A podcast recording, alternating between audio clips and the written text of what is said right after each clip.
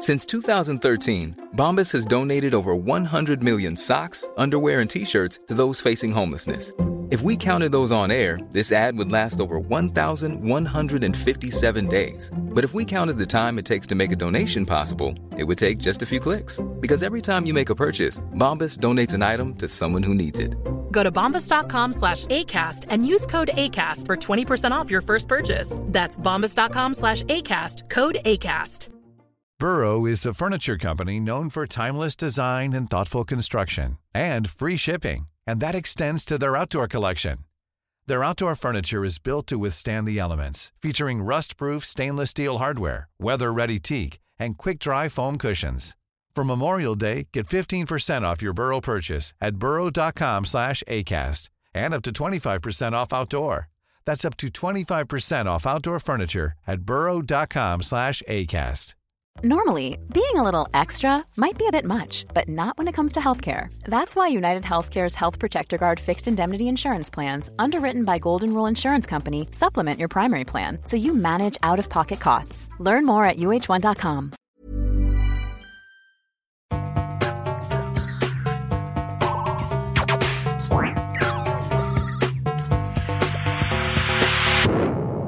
Jeg heter Sondre Risholm Livre. Jeg er psykolog, og dette er Webpsykologens podkast. Hverdagspsykologi for fagfolk og folk flest.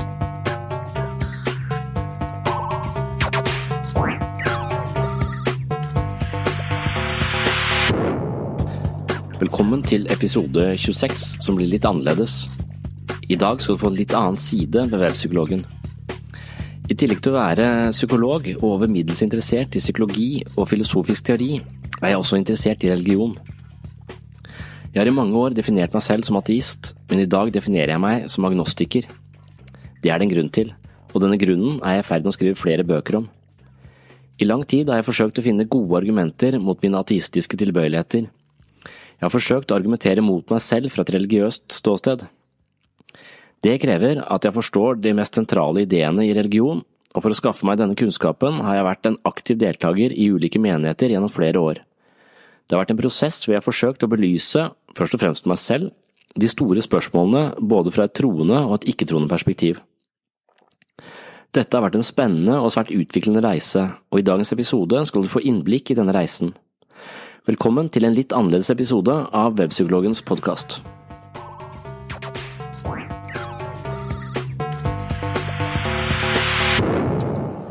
Jeg er også lidenskapelig opptatt av både filosofi og psykologi. Dette har vært interesser som har fulgt meg hele livet. Bak disse interessene ligger det en slags hang til å gruble over eksistensielle spørsmål. Død, ensomhet og meningen med livet er tre stikkord som de fleste mennesker har tenkt på fra tid til annen. Jeg tenker på dem veldig ofte, og dette har ført mine interesser mot religion. Gjennom de siste ti årene har jeg holdt på med et bokprosjekt som heter Hva skal vi tro? Jeg håper at boken kommer ut sommeren 2017. Det handler om hvordan jeg har tenkt om de store spørsmålene fra et ateistisk perspektiv. Deretter har jeg brukt fire år på å forstå de store spørsmålene fra religiøst hold. Boken er et forsøk på å debattere meg selv rundt de eksistensielle spørsmålene som jeg foreløpig ikke er avklart med. I denne prosessen har jeg vært i samtale med mange religiøse mennesker og en del anerkjente apologeter eller religionsforsvarere. I denne episoden skal du få høre en lengre samtale jeg hadde med Stefan Gustavsson fra Sverige. Han er generalsekretær for Svenske evangeliske alliansen, direktør for CKA, Sentrum for kristen apologetikk, og førstelektor ved Mediehøgskolen i Kristiansand i Norge. Han har lang erfaring som religionsforsvarer, og det er en stor glede for meg å få snakke med han foran et publikum på 160 mennesker. For å være helt ærlig beveger jeg meg her ut på dypt vann, tynn is, utrygt farvann eller hva nå det heter. Du får bedømme selv. Min reise i religion og eksistensielle spørsmål skal forhåpentligvis munne ut i et bokprosjekt som vil deles opp i tre bøker. Disse bøkene er altså et resultat av et prosjekt som har gått over snart ti år. Det er først og fremst et ganske personlig prosjekt som handler om min egen usikkerhet. Dernest er det et intellektuelt prosjekt, siden mye av min usikkerhet knytter seg til eksistensielle spørsmål. Den personlige delen av boken handler om mitt møte med religion, og hvordan dette møtet tvang meg til å bli litt mer ydmyk, lydhør og interessert i mennesker som tenker annerledes enn meg selv. Den intellektuelle delen handler om ulike tanketradisjoner som strides som de beste svarene på de store mysteriene ved livet. Da jeg var ung, hadde jeg ikke noe forhold til religion, men jeg tenkte mye på døden, og da koblet jeg etter hvert inn en slags eh, kristen livsfilosofi. Jeg var en passiv kristen og hadde ikke noe reflektert forhold til min tro. Det var heller ingen i min omgangskrets som snakket så mye om religion. I militæret bestemte jeg meg for å studere psykologi. Jeg var interessert i hvordan mennesker tenker og føler. På dette tidspunktet ble jeg også mer interessert i religion enn tidligere, jeg leste alt jeg kom over av bøker om religionskritikk, og gradvis kom jeg til å identifisere meg selv som en ateist. Etter studietiden flyttet jeg til Kristiansand og begynte å jobbe som psykolog på en poliklinikk. Jeg møtte mange mennesker med ulike perspektiver. Noen var fanget i et dystert selvbilde som nesten ikke fikk dem opp om morgenen, mens andre var mer fleksible i sine fortolkninger, noe som ga dem større muligheter for å leve et godt liv. Jeg begynte å tenke at de menneskene som ikke var låst til snevre perspektiver, men klarte å se seg selv og verden fra mange sider, var de som virket mest sympatiske, åpne og omgjengelige. Det var også disse menneskene som så ut til å ha det best. Denne observasjonen gjorde at jeg begynte å se litt mer kritisk på min egen posisjon. På noen områder er jeg ganske åpen, men når det kom til religion, hadde jeg hatt mange diskusjoner med litt for høy temperatur. Det endte med at min kone landet forbud mot å snakke om religion i enkelte sammenhenger. I sosiale lag kan religion være et farefullt samtaletema, særlig når man har ulike oppfatninger og blir ivrig etter å overbevise andre. Samtaler om religion kan skake ved våre mest grunnleggende livsperspektiver, og lett bli både personlig og emosjonelt. Jeg innså at jeg kunne fremstå ganske bombastisk som hardnakket ateist, og det ville jeg forandre på. Jeg hadde brukt mange år på religionskritikk, uten at jeg hadde satt meg så godt inn i motpartens argumenter. Jeg hadde også skrevet ned alle mine motforestillinger mot religion, og det endte i et dokument på over 30 kapitler. I bøkene, som jeg håper kommer i løpet av dette året, kan du lese om alle mine argumenter, men her vil du også få høre alle motargumentene fra et troende perspektiv. Jeg bestemte meg nemlig for å se saken fra religiøst ståsted. Jeg forsøkte å lese noen bøker, men det hjalp meg ikke nevneverdig. Jeg var nødt til å inkludere meg selv i de miljøene som virkelig tror på Gud, og jeg var nødt til å gjøre dette med et så åpent sinn som mulig. I over fire år har jeg deltatt i bibelgrupper, på alfakurs og engasjert meg i ulike menigheter. Jeg var ute etter svar på de store spørsmålene fra religiøst eh, ståsted. Jeg tok med meg alle mine innvendinger mot religion inn i menighetene, og i dette prosjektet har jeg fått svar på tiltale. Den åpenbare uenigheten mellom ateisten og den troende er spørsmålet om Guds eksistens, men konflikten stikker langt dypere enn som så. Det mest spennende ved disse to livsperspektivene er at de møtes til kamp rundt livets mest sentrale spørsmål. Trenger vi en gud for å skape mening i livet? Hva er ondskap? Hvordan bedømme i forhold som angår moral og etikk? Er det et liv etter døden? Har Kirken utspilt sin rolle som hovedleverandør for åndelig føde? Hva er alternativet? Har vi fri vilje? Fungerer bønn, eller er det en variant av placeboeffekten? Hvor kommer vi fra, og hvor skal vi hen? Hvordan startet det hele? Hvordan styres våre livsprosjekter av våre tankemønstre? Hvor går grensen mellom normal og gal, sannhet og vrangforestilling? Mitt mål er at bokserien Hva skal vi tro kan belyse alle disse spørsmålene fra flere ulike ståsteder. Er du også interessert i disse spørsmålene, så håper jeg du ser opp for den første boken som er underveis. Nå skal du få være med til Amfiet på Havlimyra en kveld i februar 2017. Jeg møter Stefan Gustavsson til en debatt om tro og tvil, døden, meningen med livet og Guds eksistens.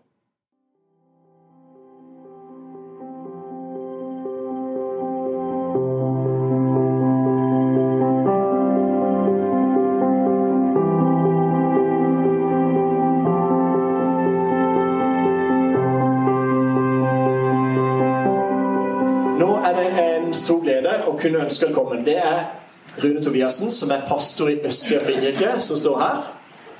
Og det er på vegne av menighetene Østsida frikirke, Justnes misjonskirke og Oddernes menighet at vi står her.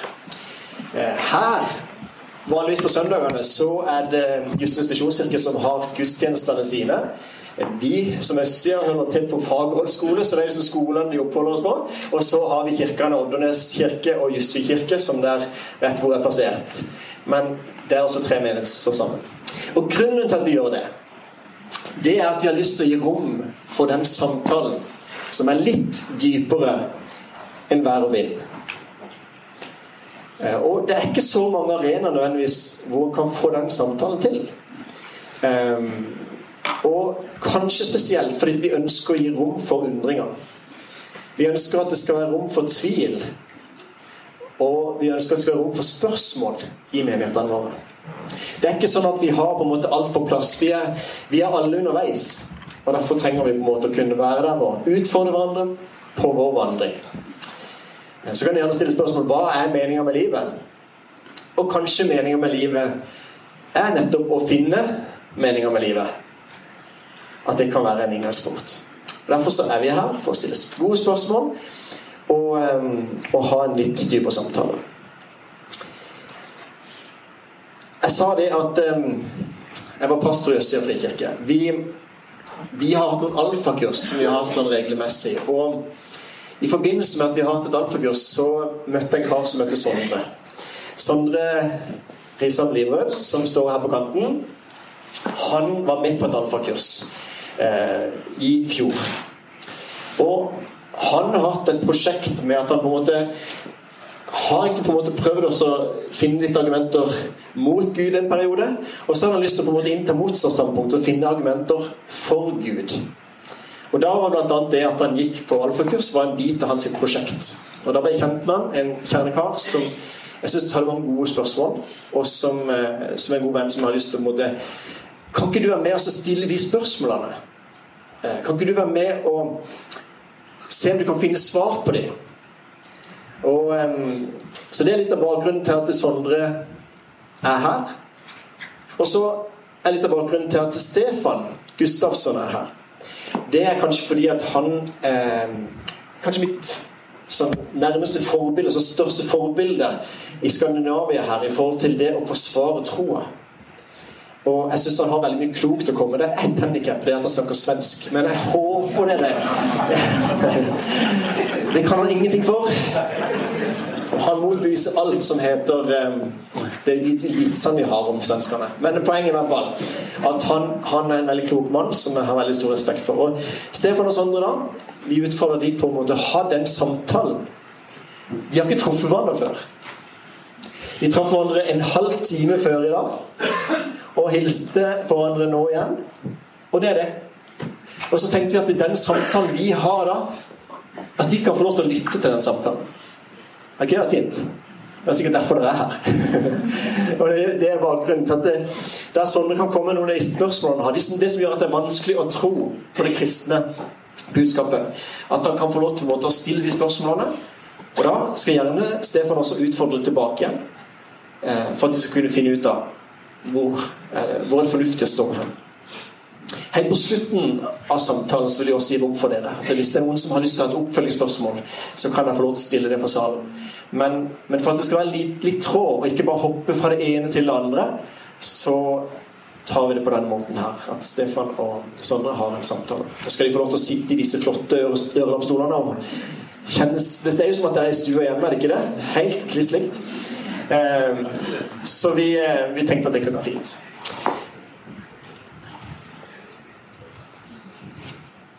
Sondre Risholm Liverød han er psykolog og spesialist i klinisk voksenpsykologi. Han jobber som terapeut og teamleder ved en poliklinikk for gruppepsykoterapi, gruppepsykoterapi eh, ved Sørlandet sykehus i Kristiansand. I tillegg så driver han webpsykologen.no. Og egentlig sånn, hva skal jeg si, populær eh, psykolog som på en måte er sånn som snakker sånn at vi skjønner det, og samtidig på en måte har eh, kunnskapen og innsikten som man, eh, som man har. Han har gitt ut to bøker. 'Selvfølelsens psykologi' i fjor.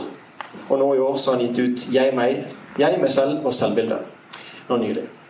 han holder også på med en bok som, som jeg har fått lov til å se på nå til gjennomlesning. Det gleder jeg meg veldig til. Og og eh, du har veldig mange gode tanker. Så jeg gleder meg til å høre det. Så før vi applauderer de inn, så skal også presentere Stefan. Stefan Gustavsson han er leder av det svenske sentrum for kristen apologetikk. Han er generalsekretær for den økumeniske paraplyorganisasjonen Svenske evangeliske alliansen.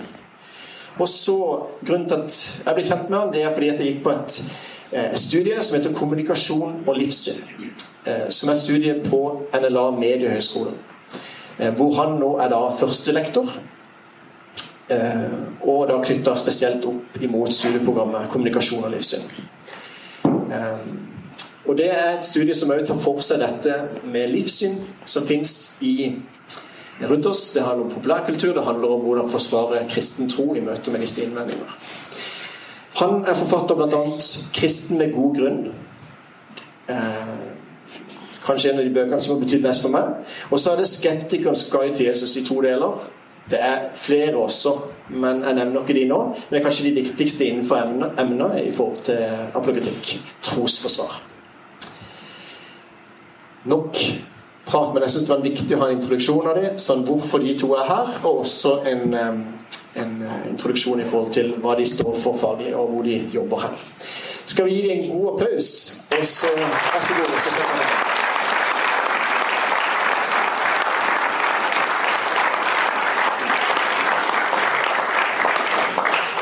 så har jeg lyst til å utfordre deg på en måte bare helt sånn i starten. Fortell litt om, om eh, Kan ikke du begynne sånn? Fortell litt om hvor du står hen, og litt din bakgrunn. Og så, så går vi over til spørsmål etter hvert. Kan ikke det? Eh, ja. Vil, tusen takk for eh, invitasjonen. Ja, Eh, det var spennende. Og, og du sier at jeg snakker klart og tydelig men det er om ting jeg vet noe om. Eh, de tingene jeg ikke har så mye peiling på, vet jeg ikke om jeg snakker så klart og tydelig, eh, tydelig om, men jeg har vært interessert i det. Dette temaet religion. Eh, jeg har vokst opp da, i et, et si, sekulært hjem. Det var ikke så mye snakk om religion. Jeg vokste opp på Østlandet. Der er det ikke så mye snakk om religion som det er her på Sørlandet, sånn generelt sett, tror jeg. Eh, men, men, det er et tema som likevel har eh, ligget i bakgrunnen av alt jeg har drevet med tror jeg, hele, hele livet. Det, er, eh, det, har vært et spørsmål i meg veldig lenge. Og, og, jeg har også hatt en ganske lang periode hvor jeg har vært si, ganske krast innstilt til religion. Jeg har vært opptatt av disse store ateistene og, og, og lest hva de har å si om, om religion på en forholdsvis innimellom litt nedlatende måte, kanskje. Litt sånn latterliggjørende måte. Og det har jeg applaudert i en periode, og så har jeg etter hvert tenkt at det ikke gjør meg til et bedre menneske å drive og snakke de munnen. Og et av mine større prosjekter innenfor psykologi da, som jeg jobber med, er vel egentlig å bli en litt bedre person eh, enn det jeg, eh, enn det jeg er. Og så, en, av, en, av, de tingene som antente dette prosjektet, her var litt jeg leste selvbiografien til Benjamin Franklin. Eh, og Han hadde en sånn prosjekt om å bli en så edel person som mulig. Og det tenkte jeg det hørtes bra ut. Og, så, og, så, fant jeg ut av hva han og en, en del av de tingene som han, han snakket om, han sa bl.a. at han er veldig flink til å diskutere. Og han er veldig flink til å, å vinne en diskusjon. Og da tenker jeg det er jeg også. og så sto det neste linje, men det er ikke noe god, bra ting.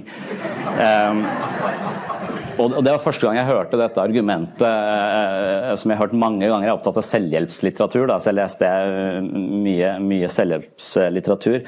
Så det der eh, poenget der med at du kan velge mellom å ha rett og ha gode relasjoner, det var første gang jeg hørte hos, hos Franklin. Så Eh, så langsomt så har jeg kanskje blitt litt mer ydmyk eh, i mine innfallsvinkler. Det blir man jo når man blir eldre også, sikkert. Eh, så det er vel en naturlig, en naturlig prosess.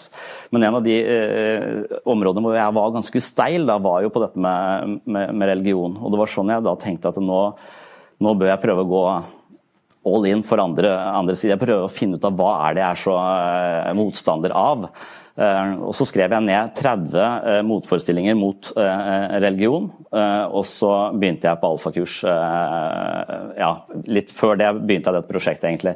Så jeg har vært på alfakurs, vi har vært i noen bibelgrupper og vi har diskutert disse, disse, temaene. og Erfaringen min er at jeg har blitt kjent med veldig masse flotte mennesker. Jeg har hatt veldig mange gode og, og dype diskusjoner som har vært både inspirerende og tankevekkende. Det, eh, og det syns jeg har vært, eh, vært, en flott eh, opplevelse. Og jeg er veldig glad for at du spurte meg om å komme hit, hit, i dag, selv om jeg har vært veldig redd for at jeg kaster bort folks tid ved å, ved å være her, og kanskje Stefan sin tid. For jeg har hørt, jeg har hørt 20 timer med Stefan på YouTube, og han er en klok og, og innsiktsfull mann, så jeg tenkte hva så, så jeg, har, jeg, har, vært litt sånn ubekvem kanskje med dette møtet i dag, men jeg, jeg, jeg gleder, meg, gleder, meg, til det.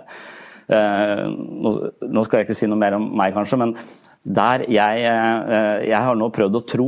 Hvordan kan jeg tro? Det er, noen, det er noen, uh, del, noen, argumenter som har fått meg fra å være en ateist til en, til en slags agnostiker, vil jeg si at vil være mitt, mitt ståsted nå. Og En av de tingene som gjorde det, det var eh, psykologistudiet. og Det var fordi at jeg plutselig litt tilfeldig havnet inn i bevissthetsfilosofi. Altså Hva er menneskets bevissthet? Eh, var en tematikk vi tok opp gang på gang fordi vi var så interessert i det. Vi fikk det inn i nesten alle fag, eh, har jeg inntrykk av. For det, det, lurte vi, vi fælt på. Og Da er jo egentlig spørsmålet sånn kort sett at inni huet så er det en maskin som opererer ganske avansert. Da, og Det er milliarder av synaptiske forbindelser. Eh, og Spørsmålet er om denne biologiske klumpen eh, på nevrokjemi kan gi meg alle de opplevelsene som er meg. Eh, altså er det, er det grunn til å tro at, at, kompleksitet og nevrokjemi kan gi meg en følelse av subjektivitet, en følelse av å kunne elske og være interessert og være på en måte ha en følelse av å være noe mer enn bare nevromekanikk? Eh, og det spørsmålet sa veilederen min, som jeg hadde veldig stor tro på, sa at det tror jeg ikke du finner ut av, da tror jeg må du gå til religion, eh, eh, sa han. Og, han hadde jo rett, vi fant jo egentlig aldri ut av det, i hvert fall ikke en sånn naturvitenskapelig kontekst. Men, men, jeg har noen ideer om hvordan jeg likevel kan komme meg utenom religion, men det kan vi kanskje snakke om etter hvert.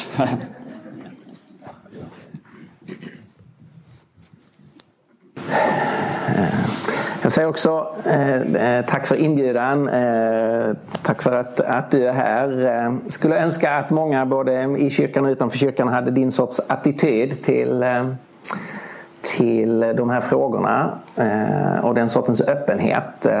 Så roligt, roligt höra lite av din story. Min story är ganska annorlunda åtminstone i, i utgångspunkten. Jag är, är född och uppvuxen i en kristen familj. Så i min barndom så var gudstro, eh, bön, bibel var väldigt naturligt och självklart och eh, jag socialiserades förstås som ett barn som växer upp i en, en, en trygg familj och där det finns en, eh, en, en varm och trygg kristen tro. Det är klart att jag som barn eh, tog över den. Jag gjorde också erfarenheter som eh, jag uppfattade som att Gud eh, kallade på mig. Jag växte upp nere i södra Sverige, i Skåne. Det tillhör, I världens mest sekulariserade land så är det den mest sekulariserade eh, delen. Så jag var ju inte allt för gammal när jag upptäckte att jag har kommit till en jättekonstig familj. Ingen annan tror ju det på det som vi tror på. Jag hade inga kompisar som eh, var kristna där jag bodde. Eh, klassen var jag den enda kristne. vad jag visste var jag den enda kristne på hela skolan. Eh, så det är klart att det gav en sån här känsla av att, att vara ett UFO. Eh, och det började väcka en, en mängd frågor hos mig och jag har jag har alltid varit som, som person haft ett, ett, ett, starkt, ett starkt behov av att få, få klarhet, en, en, sorts, en sorts sanningsledelse. Ja, men vad är detta som min familj har? Och en känsla av att äh, om det här inte sant, det kommer inte fortsätta i mitt liv bara för att det råkade finnas i min familj när jag växte upp. Så därför så eh, hade jag en, en, period när jag verkligen eh, jobbade med de här frågorna. Jag kunde också inse att anledningen till att alla mina kompisar är sekulära det beror på att de har växt upp i en annan sorts familj. Så det går jo inte att avgöra på familjeplan. Så att de är påverkade av sin familj, jag är påverkad av min familj. Och så kommer man ju fram till att oavsett vad man har för bakgrund så måste det ju ingå i att man bearbetar det man själv kommer ifrån och försöker ta ställning till Ska jag föra det vidare? Eller ska jag faktiskt eh, säga nej, det där tror jag inte på eller det där är inte sunt eller det där. Och man måste börja förhålla sig till det som man har liksom en nödvändighet fått med sig från, från sin omgivning. Eh, så jag hade en period när jag jobbade mycket med det och kom till en, en personlig övertygelse och, och, blev övertygad om att, att Gud finns. Trots att det då är en klar minoritetsuppfattning i det sammanhang som jag eh, växte upp i. Och där, eh, med ett antal argument, vi kan komma tillbaka till det, men det som du nämnde här som liksom har fört dig lite från ateism till en mer agnostisk position finns ju med som väldigt avgörande för mig. Och det handlar ju om hur ska man förstå människan? Människans medvetande, människans frihet, människans personlighet där jag har blivit övertygad om att, att, att det, det starkaste, det bästa sättet att förstå den här tillvaron är att, att tänka sig att, det finns en, en yttersta intelligens, en yttersta person som är skapare av, av oss och det är därför som vi har medvetande och frihet och personlighet och kan, kan älska. Så det är en avgörande del för mig och sen är förstås den historiska personen Jesus från Nasaret. En avgörande del är att jag inte bara i allmän mening är gudstroende och tror att det finns en intelligens som är förklaringen till universum. Utan att jag också tror att, eh, att denna intelligens, denna person eh, har visat sig i Jesus från Nasaret och gett, gett oss en, ett ansikte så att säga, en, en, en, bild som gör att man då inte behöver vara, som jag ser det, agnostiker utan faktiskt kan veta någonting. Men det här kan vi komma tillbaka till. Så det, det, det är lite av min story. Sen har jag ju sett att det som jag, genom att jag hade en udda uppfattning i Sverige, tvingades in att börja diskutera det här eh, och diskutera med mig själv så att säga. Eh, jag har tyckt att det är så enormt viktigt att försöka få igång den sortens samtal oavsett vad en människa sen landar i för, för sorts övertygelse. Att vi måste i, i våra länder få igång ett bättre samtal i sådana här livssynsfrågor. Och därför är det jättekul att ni är här, att vi får den här kvällen. Hoppas det kan stimulera igång en massa tankar hos oss. Mm. Ja, tack för det. det er litt vanskelig å vite hvor man skal begynne, eh, begynne dette her. Eh, eh, så du, du vokser jo opp da, i, en, i, en, kristen familie, men du, på et eller annet tidspunkt så tar du et, et standpunkt. Du vurderer dette. Og, og, det vil kanskje være ateistens argument, sånn, sånn at hva du tror på er jo helt betinget av hvor du vokser opp eh, og hvem du vokser opp sammen med. altså at En slags miljødeterminisme i det. altså Hvis du vokste opp i fjellet Afghanistan, så hadde du kanskje trodd på noe annet. Eh, og, Det er vel mitt første sånn eh, usikkerhetsmoment sånn i forhold til jeg, si, jeg, jeg, jeg, er jo redd, jeg er redd for å dø, og jeg er redd for at ting er meningsløst. og det, det er en av de den frykten som, som, ligger i meg, som på en måte håper at du har rett, da.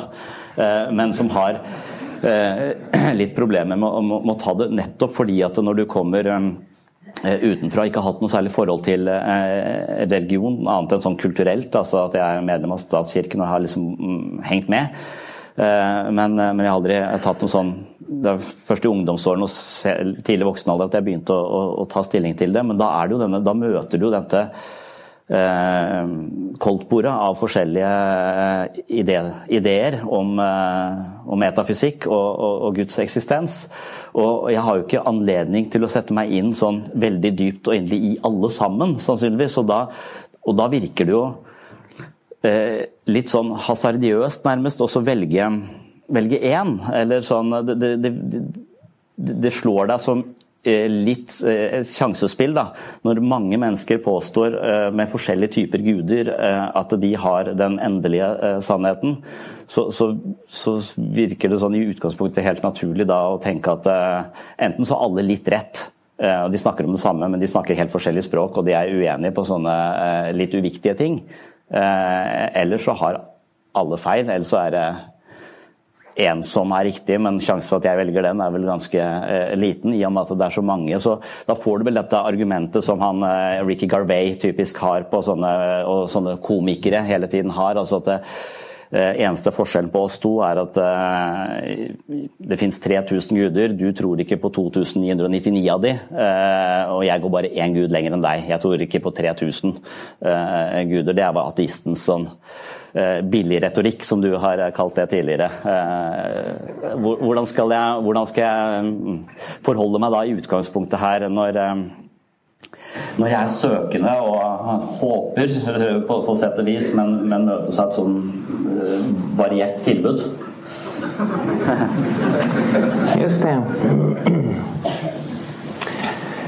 Eh, det, det, är alldeles uppenbart att vi är påverkade av, av vår miljö. Så att om man föds i, i Afghanistan så de flesta fortsätter då vara muslimer. Om du föds i Indien så fortsätter de flesta vara, eh, vara hinduer.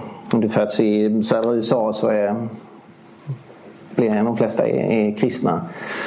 Och det är klart om du föds i Sverige så blir du sekulär. Och det här konstaterandet är ju inget argument för det sekulära kontra religion utan det är bara ett allmänt konstaterande att alla är påverkade av sin miljö. Så det går inte att använda det mot religion. Utan det enda som det leder fram till det är ju den slutsatsen att var och en måste bearbeta sin egen bakgrund och fundera på var det här någonting bra eller sant som min kultur gav mig? Oavsett om det gav mig det sekulära perspektivet eller det hinduiska perspektivet. Så det, det borde ju sätta liksom alla i rörelse att börja undersöka. Och då är frågan eh, hur många är alternativen? Och de är på ett sätt tusentals om du ska ta alla detaljer. Men eh, om, om man analyserar det skulle jag säga att det är inte så jättemånga om man tittar på de riktigt grundläggande föreställningarna. Eh, jag skulle vara beredd att, om man får lov att generalisera, säga att själva grundfrågan handlar om, om tre alternativ som man liksom, som första steg att ta ställning till. Antingen att det inte finns en gud, att universum är allt som finns. Mm, ett naturalistiskt perspektiv. Det finns inget transcendent, inget metafysiskt. Detta universum är allt. Ett alternativ, sen finns det lite olika varianter. Det andra alternativet är att det finns något transcendent, men det är opersonligt. Det är inte tanke, kärlek, intelligens, medvetande, vilja. Och det är det som österlandets religioner hävdar. Hinduism och, och buddhism och taoism och så. I, tusen olika varianter men själva grundföreställningen är att den transcendenta verkligheten är, är opersonlig. Och sen har du eh, de religioner som hävdar att det finns en transcendent verklighet och den är en person. Eh, inte en gubbe på ett moln, inte liksom en, eh, en kroppslig fysisk begränsad gud utan en andlig verklighet men som är fullt ut personlig. En oändlig personlig gud, en intelligens, en kärlek, en tanke. Tre alternativ, det är tre grundalternativ som man, jag tycker man kan förhålla sig till och ta någon sorts första ställning eh, till. Om vi gör en kort kommentar till eh, det jag då tycker är billig retorik som Richard Dawkins och andra säger att jeg jag är ju ateist i relation till, man kan säga mer än 3000 gudar, hinduismens 20 000 gudar och så. Eh, så därför är jag egentligen mer ateist nästan än gudstroende. Jag säger jo nej till 20 000 gudar och ja till, till bara en. Alltså det är ett ganska fånigt sätt att tänka och han som, om du nu tar Dawkins som evolutionsbiolog, borde kunna tänka på det. Om man tar från de gamla grekerna till, fram till idag så finns det massor med teorier om livets utveckling på jorden. Richard Dawkins säger nej till alla utom Darwins. Då skulle jag kunna säga, ja men titta här du har sagt nej till de här hundra. Varför säger du inte nej till den också? Men svaret han skulle ge oss är, nej för den är sann och de andra är falska. Ja, det är klart att det är min övertygelse så att säga. Jag tror inte på hinduismens eh, olika gudar. Eh, jag har blivit övertygad om att eh, det bästa svaret på varför vi finns här är en personlig gud. Men som är en oändlig gud. Och där passar ingen av hinduismens alla gudar in eller Toroden eller Zeus som ju är ändliga små gudar. Så, ungefär så skulle jag tänka kring de frågorna. Ska vi se, gör jag något fel eller? Jaha, nu är den tillbaka. Okej. Okay. Det är någon sorts heresi ja, ja, det var kontra en som... Eh, det var et veldig Muta mig. Mm. Det er en avis til spakene. Ja, just det. Who knows? Det var for gode argumenter. Sånn, eh. Men eh, det syns jeg var et veldig godt, eh, et, et godt eh, utgangspunkt. Da.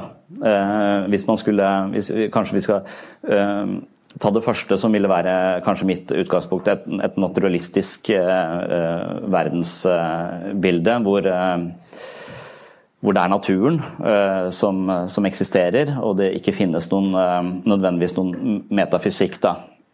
Eh, og eh, og jeg, jeg er usikker på den posisjonen. Eh, jeg har nok holdt den posisjonen eh, ganske lenge, men eh, Og jeg, jeg, jeg er litt spent på om jeg kommer meg kan bli værende i den, da. Uh, og det hadde jeg tenkt å høre med deg om. Uh, uh, men, men hvilke problemer er det jeg løper inn i der, eh, hvis jeg tenker at, eh, at um, eh, at enten så er hjernen min eh, bare så kompleks at den gir meg et opplevelse av å være noe spesielt, eh, eller så er det noen som har blåst en ånd inn i min nese, eller Adam, da, eh, som, som vi har på en måte eh, gått i arv her. Så det, så det er noe, noe åndelig ved oss, noe ikke-fysisk ved oss, som eventuelt overlever vår død, da, overlever kroppen eh, og osv. Um, så, så, så det, det, første, det første problemet som jeg finner selv, da, som jeg, når jeg prøvde å holde denne posisjonen, vil være dette med fri vilje, kanskje. Eh, som, som dukker opp eh, der. sånn, for det Eh, hvis vi, og her, her er det noe, kanskje noe sånn kvantefysikk og noe, noe greier som kan øh, sno oss unna dette, men, men i utgangspunktet så vil det første eh, spørsmålet være hvis du går for et 100 naturalistisk eh, verdensbilde, eh, så er alt på en eller annen måte biologisk determinert. Og det kan i videste forstand, hvis vi hadde hatt alle faktorene på bordet, regna ut mennesket, eh, alle krumspring på en måte, Vi kunne regna ut alle disse synaptiske forbindelsene, og du veit hva jeg vil si i neste sekund, eller hva som skjer i neste, eh, neste sekund. Så eh, følelsen av å da ha en fri vilje, ha en påvirkningskraft på, eh, på livet, at jeg kan velge, at jeg er en egen agent i livet, den blir på en måte slått beina under hvis du går hvis du følger naturalismen helt ut. Men der tror jeg kanskje man kan ta feil, men, men det, vil du være enig i det? Eh, Resonnementet der? Eh, Jo, det, det, jeg, jag, eh, skulle holde med om det og jeg, jeg ser det som förnuftsmässigt, logiskt helt eh, ofrånkomligt. Det, det är väldigt svårt att komma undan det. Alltså om man, här finns två alternativ. Det ena är att vi förstår oss som människor nerifrån och det är vad naturalismen gör. Så att säga, naturen, det är det det yttersta som finns, den finns före oss och vi ska oss i ljuset av naturen. Naturen avgör vilka vi är för vi är en, en, en produkt av naturen. Och nu har vi ju vetenskapligt har vi ju lyckats analysera naturen väldigt, väldigt långt och väldigt väl och vi förstår naturen. Och, och man kan säga att den är lagbunden. Den är determinerad, den, den följer sin inneboende struktur. Och därmed om vi är ett stycke natur, punkt, ingenting mer, så kommer vi ju vara en del av det lagbundna. Vi, vi blir determinerade. Eh, och det är ju mängder med filosofer som har sett det här. Alltså det finns ingen väg runt. Eh, och också många ateister som Bertrand Russell hävdade detta att vi, vi har ytterst sett ingen frihet och därmed ingen ansvarighet. Eh, Stephen Hawking som är världens ledande kosmolog och som också är ateist. Han säger det, det är omöjligt att hävda fri vilja. Eftersom vi ser att naturen är determinerad och vi är ett stycke, stycke natur. Vi pratade tidigare idag om, om Sam Harris som drar precis samma slutsats. Eh, Kvantfysiken ger faktiskt, nu är jag ingen expert på kvantfysiken, men det jag har förstått så ger den ingen riktig öppning därför att kvantfysiken det kan möjligen ge öppningar för det slumpmässiga, alltså att det, det, determineringen inte är absolut. Men i så fall är det bara slumpmässigt. Och fri vilja är ju inte slumpmässighet utan det är ju självdeterminering. Alltså man måste skilja mellan det som är determinerat, det som är indeterminerat, det slumpmässiga. Och när vi pratar om frihet så är det ju självdeterminering som är det intressanta. Eh, Och det finns inte utifrån naturen. Och då är det andra alternativet att man förstår människan uppifrån så att säga. Att det finns någonting utanför och bortom naturen som är det personliga. Så att frihet finns i den yttersta verkligheten. Och det förklarar då varför jag är har en, ett, ett visst mått av frihet. Jag är förstås determinerad och påverkad av massor med faktorer men att jag har ett mått av frihet och därmed kan påverka min existens, göra val, eh, utvecklas, har ansvar. Og och så ja, din fråga var egentligen om jag håller med om det. Yes, i högsta grad gör jag det. Och för mig blir det ett argument så att säga. För jag, jag, jag kan inte säga att jag kan förstå mig själv för friheten är och ansvarigheten är en av de mest grundläggande erfarenheter jag har som människa. Mm. Ja. Och det går inte att förstå liksom, utifrån naturen. Nei, jeg skjønner. Eh, og det er jo der jeg stanger, eh, stanger litt. Da. Og I hvert fall ut ifra min egen eh, hverdag og min egen bakgrunn som psykolog, så, så, kan man nesten ha en idé om, eller i hvert fall så har jeg operert ut ifra en tanke om at de menneskene som sliter, som jeg møter, som har det vanskelig, hvis de får det bedre, så er det fordi de får mer fri vilje, på en måte. Og det kan jo kanskje og, da må det jo eksistere, eh, hvis at de skal, skal, få mer av det. Men, men, innenfor psykologien så vil man jo tenke at vi, at vi på en måte er forholdsvis determinerte. da. Eh, jeg, og, Noen tradisjoner vil jo si at vi er 100 determinerte, altså at vi kan regnes ut ned til minste detalj, og da er det ikke noe frivillige lenger. Eh, men, men jeg opplever jo at, at, det er mulig å, å det vi driver med i psykologi, er egentlig å observere oss selv. Vi, vi, vi prøver å, å, beskrive oss selv og se oss selv, og idet vi ser våre egne mønster, eh, så har vi tatt en slags avstand, vi har tatt et blikk. Vi er observatører av oss selv, og idet jeg ser meg selv, så er på en måte eh, løsriver jeg meg litt fra, eh, fra, meg selv. Altså Det er et øye som, som, som ser her. Og, og, og, når jeg da ser det, så kan jeg gi det et språk. Og når jeg gir det et språk, så kan jeg løfte det fra materie til innsikt. Eh, fra noe fysisk til noe metafysisk, eh, nærmest. Og kanskje dette litt, eh, litt vanskelig måte å snakke på, men jeg bare tar det eksempelet hvis de har hørt meg før. Men, men mitt eksempel hva jeg tenker jeg gjør i, i min hverdag som, som, psykolog, det handler om å, å, hjelpe folk til å sette mer språk på hva som foregår på innsiden. Sånn at de ikke er på en måte fanget i sine egne mønster, fanget av følelsen eller fanget at de går i de samme fellene gang på gang på gang, sånn at de på en måte kan se de. Eh, og, og gi vårt indre liv et språk er da en del av, av den tematikken. Og, og, for min egen del så ble det veldig tydelig når eh, når jeg ble tvunget på babysang, og jeg, jeg snakker jo ofte om dette babysangeeksperimentet mitt. og det Eh, nå er jeg blitt pappa for tredje gang eh, og har en, eh, en datter på, på, fire måneder nå som også truer med å gå på babysang. Og Poenget med babysang var at eh, det var min første datter som skulle på babysang, og det foregikk i en kirke på, eh, på Søm, og, det stressa meg eh, noe veldig. Jeg var stressa i det hele tatt at jeg skulle være hjemme alene med henne. Og kona mi skulle på jobb, og jeg fikk en bag med bæsjebleier, og jeg fikk hun på armen, og så sa hun at du, hun elsker å gå på babysang. Og jeg vet ikke hvorfor. Det heter babyrytmikk på svensk, og det vet jeg fordi Knausgård har skrevet om det. Og Det er en del av historien. Men når jeg kommer ut på babysang, så, så står jeg der med bæsjebleier og, og, og Amelie på, på armen. Eh, og så ser jeg 16 damer som sitter i ring og nynner. Eh, og så tenker fornuften min altså 5% tenker man i psykologi er, eh, eller innenfor nevropsykologi at 5% er bevisst, 95% er ubevisst. Så ekstremt mye av det vi foretar oss, tenker og føler, er bare generert av ubevisste krefter, og det går ikke via bevisstheten vår. Men jeg tenkte bevisst der at her er det 16 damer som sitter i ring og nynner. Det er ikke farlig, tenkte jeg. Men disse 95 andre prosentene sa at du er i livsfare. Så de pumpa, de pumpa masse blod ut til store muskelgrupper, ut til, uh, ut til, armene mine, ut til beina. Og ideen da innenfor uh, psykologi vil være at grunnen til at kroppen min reagerer med alarmberedskap, pumper masse blod ut for at jeg enten skal angripe de eller stikke av.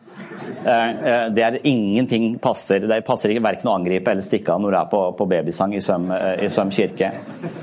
Og jeg er fanget av meg selv. Det kalles jo panikkangst. Jeg er fanget av, uh, av meg selv, og, og, jeg får en bæsjebleie også der, og så, da må jeg jo bare evakuere. Så, så, drar jeg hjem. Men når jeg kommer hjem da, så leser jeg uh, type Knausgård, som er, jeg vet ikke om du kjenner han, men uh, han bor vel i Sverige? Ja, mm, Og Jeg var veldig opptatt av det syv år siden, så da, jeg synes det var fantastisk. For Den mannen har brukt seks bind han på å kikke inn i seg sjøl og finne ut av hva foregår her inne. Og, og Det syns jeg er et litt sånn dannende prosjekt, for mye av det som foregår inni han, ligner litt av det som foregår i meg. Så det er på sett og vis Han kan hjelpe meg til å se sider ved meg selv som jeg ennå ikke har oppdaget, fordi han har så rikt språk. da. Og Når jeg da leser 15 sider om menn på babysang hos Knausgård, så står det der at menn står i fare for å bli impotente eller miste sin maskulinitet når de går på babysang. Og da forstår jeg reaksjonen min, ikke sant? Men, men, da klarer jeg å løfte reaksjonen min fra kropp, fra hjertebank, fra vondt i magen og opp til innsikt. Altså, jeg bruker språket. Eh, så ved å se meg selv, ved å observere meg selv, så kan jeg gi det et språk. Jeg kan gi dette egoet mitt, som eh, da kanskje er trua på sin maskulinitet, eller hva det, hva det skal være. Jeg kan se det, og idet jeg ser det, så, så, løfter jeg det fra kroppslig plage til innsikt, eh, på, på en måte. Og Det setter meg på sporet av dette poenget. Altså, kan vi komme oss utenom eh, Eller kan, kan det tenkes at eh, at språket er nøkkelen her. altså I begynnelsen var ordet, ordet var hos Gud, ordet var Gud. Er det ikke noe sånt nå? Eh, at, det er et sentralt element. altså Idet evolusjonen på en måte selekterer for språk, symbolbruk, så kan vi transcendere vår egen kropp og, og, på en måte komme oss ut av denne biologiske maskineriet, på sett og vis. Altså at, at språket kan gjøre ting metafysisk.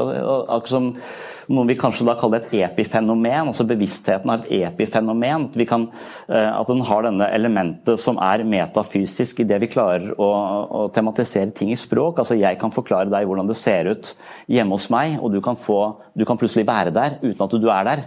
Så det er metafysisk, på en måte. Um, så, så liksom, En klokke jeg vil jo, eh, hvis du plukker den fra hverandre, bare være mange metallbiter. men Setter du den sammen, så får du tid. Eller du får noe som viser oss tid. Så, så kan, kan, jeg bruke det? Kan, jeg, kan, språket hjelpe meg ut av fri vilje-problematikken min? Nej, jag, jag, tror inte det. Jag tror att det, du ringer verkligen in en nyckel här och det är, det är språket, eh, ordet. Eh, logos som Johannes evangeliet börjar med på grekiska som betyder både ord, språk och, och tanke därför att eh, språket bygger ju på logik, på tanke. Men jag har svårt att se hur man kan gå Alltså jag tror du ringer in själva nyckeln har, har med, med, språket att göra, med kommunikation att göra. Men jag har svårt att se hur man kan gå från eh, en determinerad natur och att den då skulle generera friheten. Eh, och allt det som språk och kommunikation och logik står för. Jeg jag, jag, kan omöjligt se hur en lagbunden värld skulle kunna, skulle kunna som resultat ge eh, det. Jag vet att det finns som en, som en teori men jag tycker inte alls att den är övertygande. Jag tror att man behöver gå på andra hållet, alltså inte börja med det lagbundna som leder fram till på något mystiskt sätt att vi får frihet.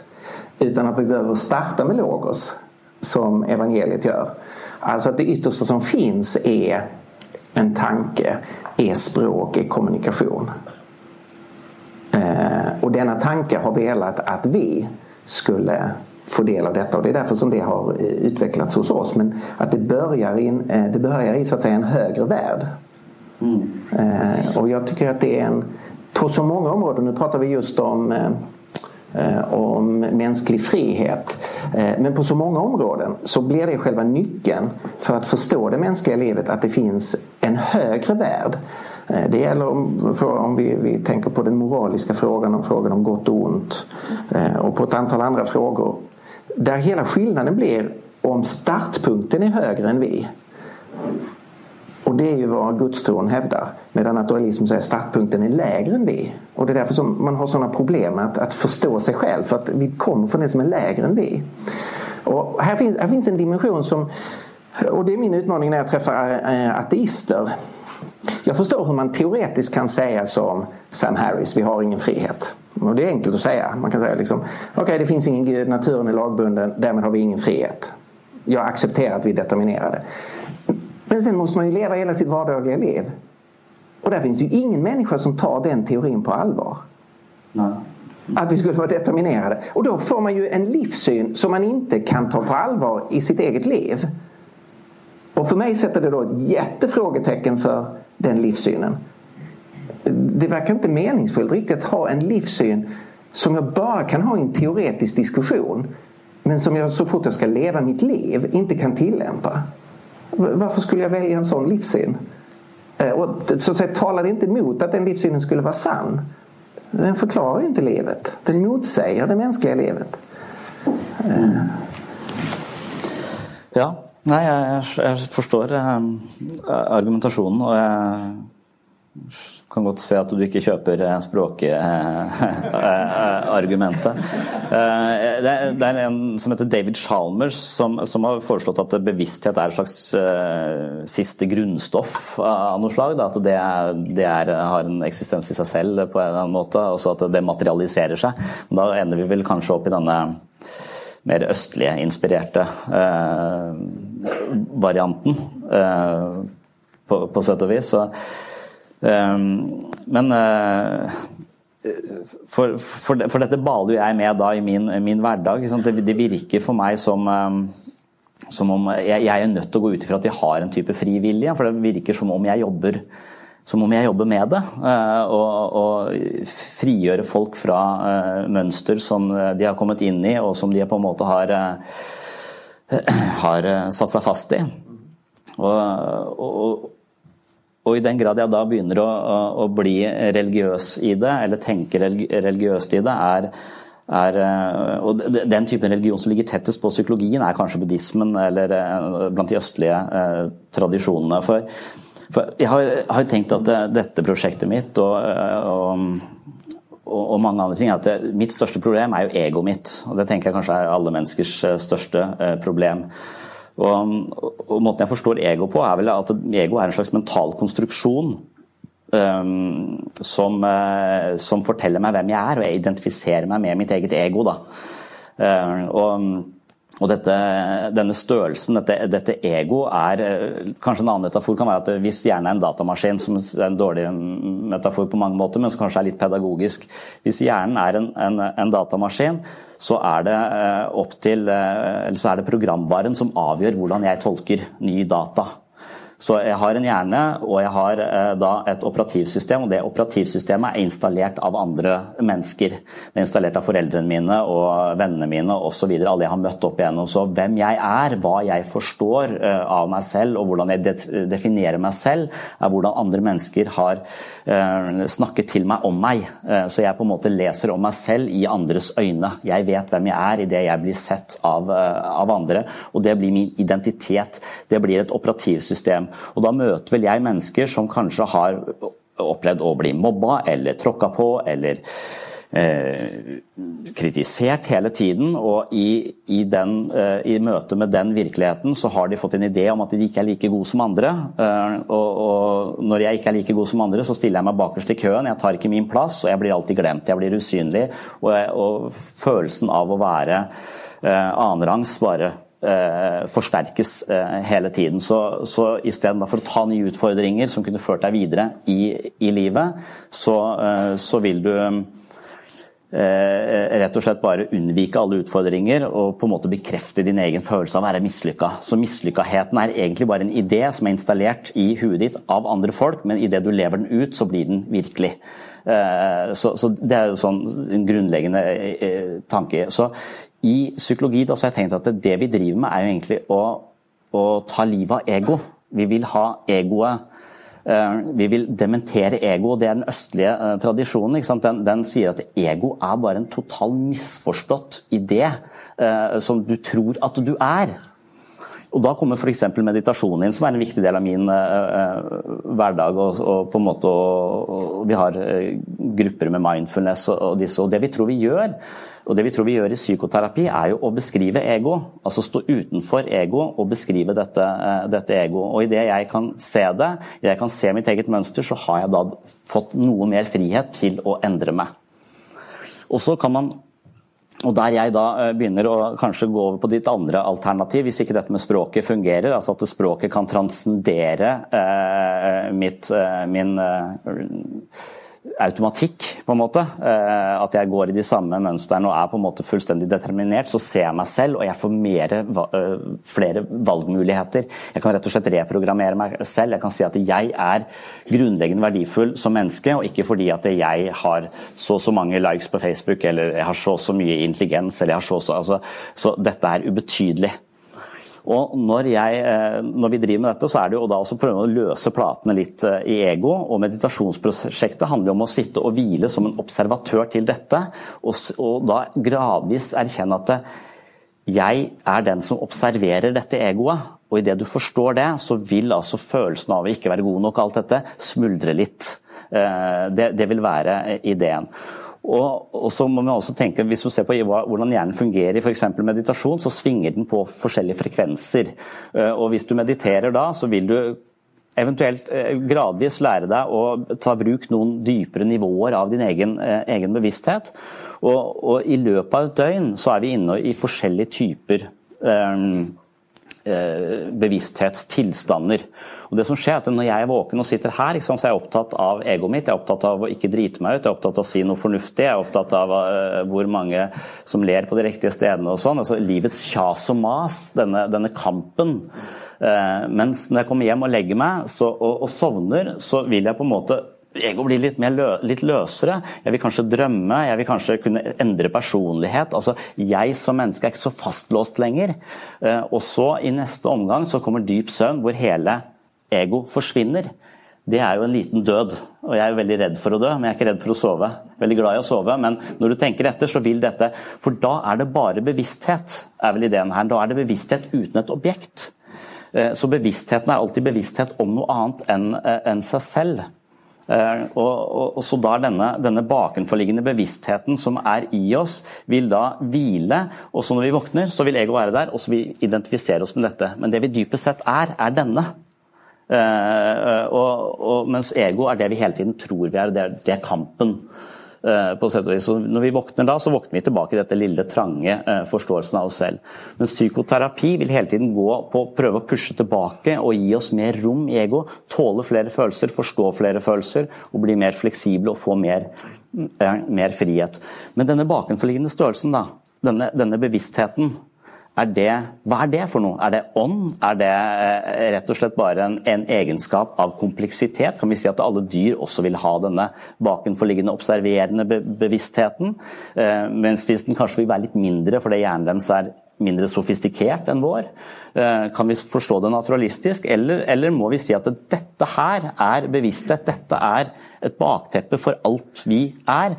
Dette er ånd, dette er sjel, dette vil overleve kroppen din. Dette vil eh, materialisere seg på nytt i neste liv, f.eks. Hvor du blir gjenfødt som bikkje eller gris, eh, eller, eller, noe sånt. Eller Der, der baler jeg litt eh, med de spørsmålene. ja. Ja, det är väl, det är väl oerhört intressant på liksom det, vårt egentliga jag. Eh, vårt, djupaste, vårt djupaste själv, vad är det för någonting? Jag kan hålla med dig väldigt mycket av det som, det som du sa och beskrev här av, av oss som människor. Men om man ställer den här frågan, vad, vad, vad är djupast sett vårt, vårt jag? Och så ställer man det till Österlandets religioner som du, du sa. Så kan de ju inte bekräfta att vi finns som med ett eget själv. Alltså om, om, man studerar buddhismen så säger de ju att, eh, att människan i sin essens är tomhet. Och det som, det som skapar illusionen av ett jag det är ju fastklamrandet vid den här ytliga världen, begäret som får oss att klamra oss fast. Och, och, och det, det som är målet för människan är ju att upp, upphäva begäret.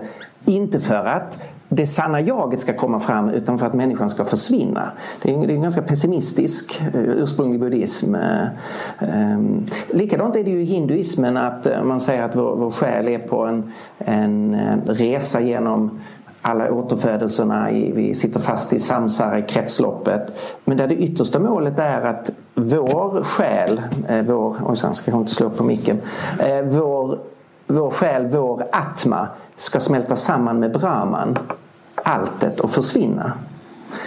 Eh, och, det här skulle vara igen en punkt där jag skulle säga jag, jag tycker den tanken som möter oss i, i judisk kristen tro att det ytterst sett finns en person som har skapat oss i, vår, i sin avbild så att vi är personer. Och att min djupaste identitet är att jag är skapad till Guds avbild. Och sen har någonting gått, gått sönder. Eh, det som med ett kristet språkbruk kallas för synd. Eh, och då är den, den kristna bilden av människan är eh, att vi verkligen har ett bestående jag eftersom vi är skapade i Guds avbild. Du kan kalla det själ eller ande eller person eller jag eller själv. Själva terminologin är, är mindre viktig. Men att jag faktiskt finns. Jag existerar. Någon har givit mig existens. Och jag är inte bara ett resultat av vad andra har gjort med mig under min uppväxt utan eh, jag har en individualitet som i och för sig kan ha blivit deformerad och förstörd eller sårad eller skadad och undertryckt och så. Men jag finns verkligen. Och målet är att mitt jag ska få komma fram och blomma ut.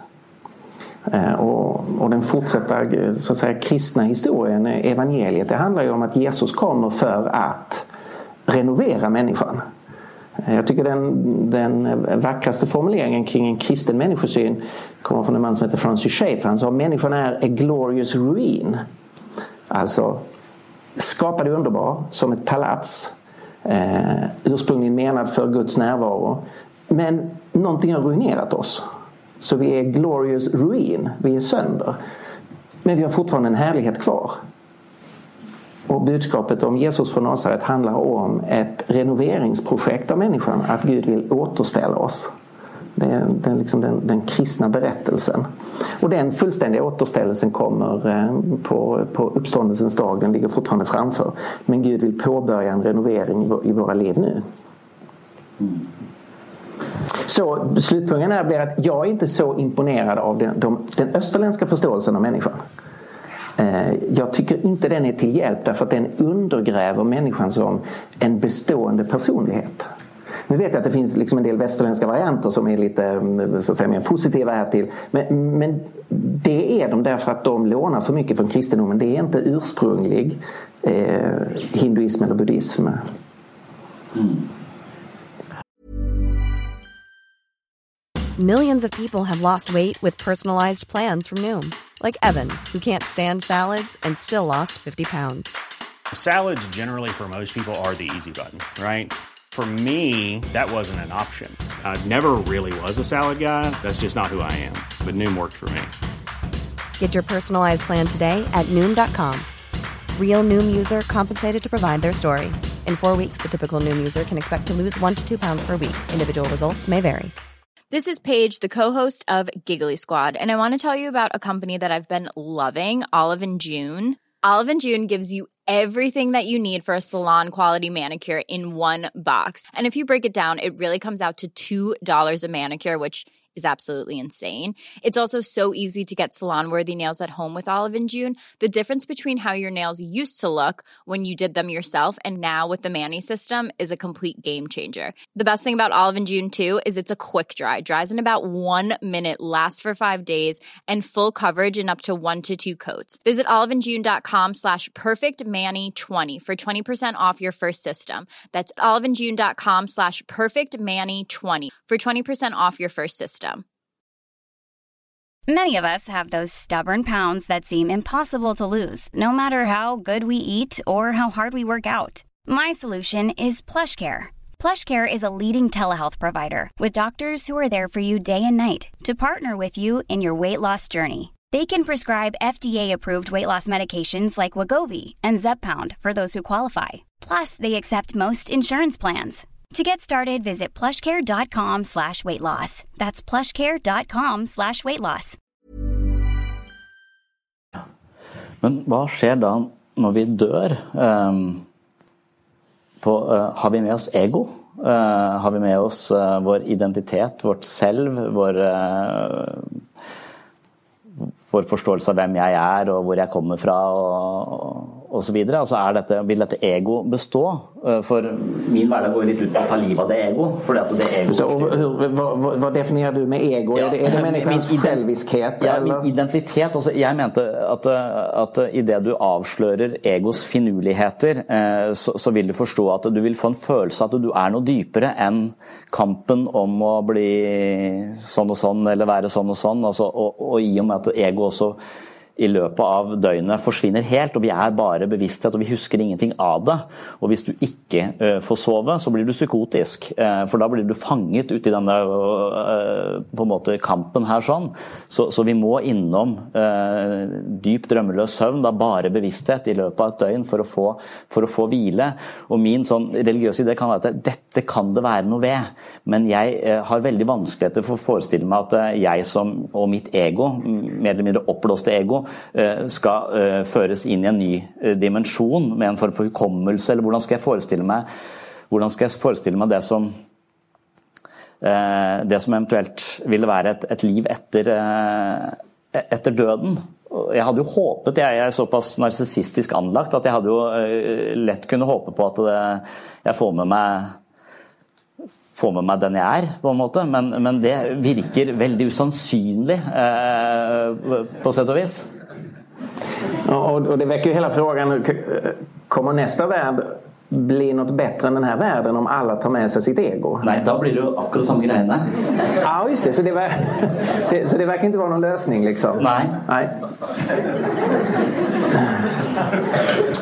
Uh, det, det finns ju en, ett världsberömt nattligt samtal, lite som det här fast, fast utan publik då, eh, som är återgivet i Johannes evangeliets tredje kapitel där Jesus sitter och, och diskuterar med en, en lärd man Eh, som heter Nikodemus. Och, eh, eh, där Jesus hela tiden driver tesen människan behöver födas på nytt. Eh, inte i någon sorts bokstavlig fysisk mening, men vi behöver en, en inre nyskapelse. Just därför att vårt ego förorenar oss själva och förorenar våra relationer. Mm. Eh, och, och, det kommer aldrig kunna bli en, en hel värld, en sån värld som vi drömmer om, så länge vi har vårt ego. Eh, och Jesus är, är ju i det samtalet då väldigt tydligt. Det här är inget renoveringsprojekt man kan göra själv. Om man vill ha liksom en, en yttersta renovering. Utan man behöver bli, eh, för att använda Jesus språkbruk, då, att bli född på nytt. Eh, och det är ju ett, ett, ett, erbjudande, en utmaning i den kristna tron. Alltså att man vänder om från sitt ego. Alltså man, man erkänner jag, jag behöver en ny start. Jag, någonting nytt behöver hända i mitt liv. Jag kommer inte reda ut det här själv därför att eh, jag sitter på olika sätt fast i, i mitt eget ego. Och eh, man ber om att, att Gud ska börja göra någonting i ens liv. Börja renovera, föda en själv på nytt. Mm. Så det där är en väldigt central del av, eh, av den kristna tron. Eh, och ett Eh, evangeliet utlovar att Gud vill påbörja det renoveringsprojektet mm. hos var och en som vänder sig till honom. Mm. Och Gud lovar att han ska fullfölja det. Så på den andra sidan så kommer jag att, att vara hel, vara allt det som jag längtar efter att, att vara nu men som jag då ofta inte är. Ja. ja. Ja, Du snakker om det på en synes jeg, ganske fin eh, måte, og sånn passe eh, abstrakt. For, for, når jeg har, eh, i, i, mitt prosjekt så har jeg jo snakket med litt forskjellige mennesker spesielt om dette med, med hva skjer etter døden. da. Fordi jeg, så, jeg gjør alt jeg kan for ikke dø. Jeg trener og spiser antioksidanter og gjør en hel haug av tran, drikker jeg. Eh, så jeg gjør mye for, for, å ikke dø for tidlig, i hvert fall. da. Eh, fordi jeg er veldig usikker på hva eh, Jeg tror jo dypest sett at det ender på visa. ikke sant? Jeg tror ikke at det er noe, det er noe mer foreløpig. Men, når jeg spør folk om det, så har de jo veldig forskjellige forestillinger. Forskjellige religioner har forskjellige, forskjellige forestillinger. og Jehovas vitner har vel noen, noen, tall på hvem som skal være her og hvem som skal leve her nede på jorda. Og, og, og så har jeg faktisk snakket med noen eh, forholdsvis radikale eh, muslimer også, som har og noen ytre grupperinger der som, som forteller meg om noen jomfruer og, og, noe greier. Og, og, da tenker jeg jeg er gift, og jeg, jeg har klarer nesten ikke å håndtere hun som er hjemme engang. Så 72 eh, jomfruer hadde blitt et kjempe, eh, kjempeproblem. Så. Og det låter vel nesten som et, et uttrykk for at de har egot kvar, de som taler på det settet? Ja, ja, ja, ja, det er jo det. Og eh, har jeg faktisk møtt noen som, som har sånn vikingsaktige religioner og toro, hvor Valhalla er et alternativ. Det, er som tilbake på ungdomsskolen og få juling hver eneste eneste dag. Du kan slåss så mye du vil, det er jeg ikke interessert i. Liker ikke å slåss. Eh, så, så, så du, jeg møter jo mange, eh, mange, ideer som virker litt sånn utrolige. Eh, på, på sett og vis så svært vanskelig å Når folk er så overbevist i den retningen, så, så blir meg jeg veldig skeptisk. Og jeg syns det er veldig vanskelig å, å å tro på. Og så, og så tror jeg jo og så så tror jeg det er så mange gode grunner til å tro på det, rent sånn eksistensielt sett. Altså, at det, det, det, fyller jo livet. Hvis dette bare er et slags vorspiel til et uh, liv som, uh, som, begynner senere, så, så, det, uh, så, ville det gi meg mening. Det ville, gi, det, ville jeg føle meningsfullt, fordi at jeg skjønner de som sier at ja, men livet er avgrensa, og det er det som gir livet mening. Altså, det er derfor du setter pris på å være her og nå, akkurat her og nå. Og det skjønner jeg, men jeg klarer ikke å føle det likevel. For for, fordi at jeg, jeg, jeg, jeg syns Selv om det bare er Jeg fødes, lever, strever og dør, så er det noe litt sånn uh, meningsløst med, med den uh, prosessen der. Sånn, jeg syns det er meningsfullt å ha barn, jeg syns det er meningsfullt å snakke med deg her. Jeg syns det er mye mening inn i det her, men jeg syns det er trist at det da blir, blir slutt uh, på, på, et eller annet tidspunkt. Så Eh, så, jeg baler jo med denne, eh, denne ideen eh, om at det, det, skal være noe et, etterpå, men jeg, jeg, jeg, finner ikke noe gode, jeg finner ikke gode nok argumenter til at jeg blir overbevist. Eller mm.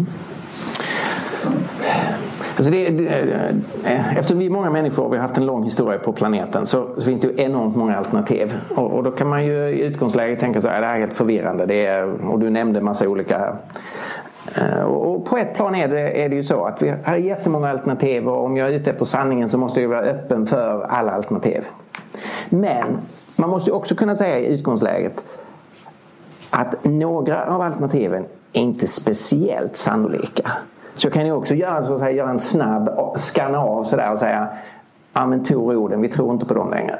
Och det är rätt så goda grunder att vi har förkastat. Vi, vi vet ju att åskan orsakas av, inte av Tor som slår med sin hammare. Det, det har, det ett, vi, vi, kan förklara det fenomenet. Så okej, okay, vi behöver inte ta det på allvar. Jehovas vittnen, jag läst lite om hur Jehovas vittnen startade. Det är en sekt från 1800-talet. En liten smal sekt. Massa egendomligheter i, i, historien. Ja, det är inte förstahandsalternativet, jag lägger det åt sidan så länge. Um, islam, det är en väldigt stor religion så det är på ett sätt ett seriöst alternativ. Men man behöver inte läsa länge om Muhammed för att se att det är rätt mycket problem. Jag skulle inte heller lägga det riktigt i toppen. Så att säga. Eh, om jag skulle skanna av alternativen skulle jag säga naturalismen är ett seriöst alternativ. Det kan vara så här att universum är det enda som finns. Livet har ingen mening. När jag dör, allt är bara slut. Let's face it. Livet har ingen mening. Okej, okay, det är ett alternativ. Jag, jag inser det. De österländska religionerna med tanken på reinkarnation och en slutgiltig sammansmältning med alltet. Jag finner det aningen långsökt men jag är beredd att fundera över det. Och sen har du kristen tro. Eh, som säger att det finns en personlig Gud. Han är involverad i den här världen. Han har visat vem han är genom Jesus Kristus. Han lovar evigt liv. Han har lovat att han ska upprätta världen och skapa nya himlar och ny jord där rättfärdighet bor. Jag skulle säga de tre alternativen har klar prioritet att börja undersöka. Om det visar sig att alla de tre är falska, ja, gå vidare till islam och, och, och prova Jehovas vittnen och, och sådär. Men jag skulle börja med de tre. Och det, det, är rimligt, det är lite så som en vetenskapsman gör. Det finns alla möjliga sorters teorier och spekulationer. Okej, okay, men här har vi tre huvudalternativ. Vi måste testa dem först för att se om någon av dem kan passa in så att säga. Eh, och här står ju frågan om Jesu uppståndelse när det gäller den kristna tron. blir ju den helt avgörande frågan. Så att säga. Om det skulle finnas goda grunder för att säga Gud uppväckte Jesus. Eh, då har vi ett eh, har vi ett argument för hur vi ska tänka kring fortsättningen. Alltså någon har varit död och kommit tillbaka. Så för mig är det en verklig, nyc en verklig nyckelfråga att förhålla, om vi tänker på vad händer när vi dör? Att förhålla sig till påståendet om vad som hände efter Jesu avrättning. Mm. Så då skulle jag säga tre grundalternativ här. Det är inget konstigt om man börjar undersöka den kristna tron. Det råkar vara världens största religion, det råkar vara grunden för den egna kulturen. Eh, det är dessutom det solklart mest positiva budskapet. Ja. Av de här tre. Mm. Jag menar naturalism säger livet är meningslöst. Det österländska säger du har ingen bestående identitet, du ska smälta samman med alltet. Och kristen tro säger det finns en Gud som älskar dig. Mm. Han vill ge dig evigt liv, han vill upprätta och hela. Det finns en framtid. Wow. Det kanske inte är sant men det är ett fantastiskt budskap. Är det sant? Så er det liksom. ja, ja, Min erfaring er at alt som virker eh, veldig godt, Det er for godt til å være sant. Liksom. Så alt jeg liker tanken på, er usunt som regel. Eh, så ja, jeg, jeg ser eh, jeg, jeg, Ja. Uh, og, og, da kommer man kanskje til uh, måtte snakke om e-, evangeliene og, og, og, de tingene der. For de, de, vil jo bli avgjørende hvorvidt man tenker at det som faktisk står der, har skjedd. Da. Og da vil man også kanskje psykologien kom inn og være litt sånn skeptiske til om, om kildene er gode nok. Eh, fordi man vet at eh, hvis du spør folk her hva de gjorde forrige fredag, så vil de ikke kunne redegjøre for det, mange av de.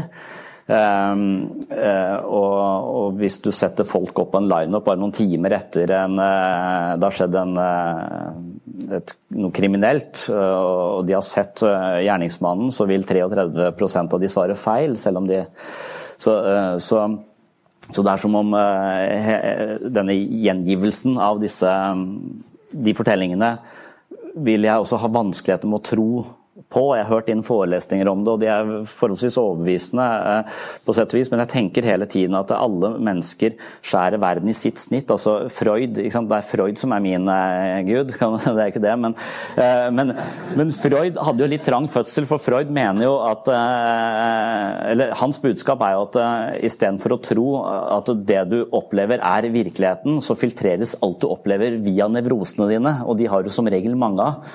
For det, eh, mora di var på Facebook når du amma. Eh, så, så det, er noen, det, er noe der du har noen konflikter, du har noen eh, nevroser. Så på sett og vis så vil vi aldri vi, alltid, vi, er jo alltid fastlåst i vårt perspektiv. Og det perspektivet vil da, hvis man tenker på hjernen som 95 ubevisst og, og 5% bevisst, så kan det snike seg inn så enormt mange feil da, i gjengivelsen av noe, og kanskje også en del håp om at det, det må være sånn, det kan være sånn. Han har stått opp og sagt jeg kan jo forstå at den historien vil fungere veldig bra hvis dette har uh, faktisk skjedd. Men jeg kan, også finne, jeg kan også mistenke at det er veldig mange motiver for å nettopp fortelle den historien på den måten.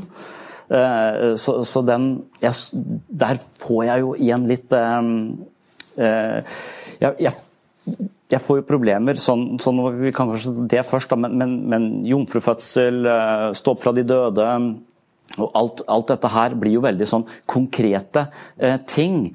Og på, på, sett og vis litt banalt. Eh, eller sånn, det er, litt, det er litt for godt til, til, å være sant, tenker jeg. Og, og jeg tenker, min, Hvis jeg skulle vært religiøs, så måtte det vært litt sånn at alle religionen hadde litt rett, at det finnes et eller annet her bak. En eller annen bevissthet, en eller annen ånd. Kall det hva du vil. Bevisstheten kaller det, eller Vitenskap kaller det bevissthet. Noen vil kalle det sjel, noen vil kalle det ånd. At det, at det er en slags grunntone, en slags evighetsfilosofi i bånden her. Noe som alle er, er, enige om. Men alt det der vi forteller på toppen her, er mer fortellinger for mennesker eh, på forskjellige nivåer for å formidle et eller annet mer eller mindre metaforisk. Og Den posisjonen er ikke du så begeistra for, har jeg eh, har jeg forstått. Eh, for det, det vanner jo ut hele, hele teologien på, på sett og vis, eller? Eh?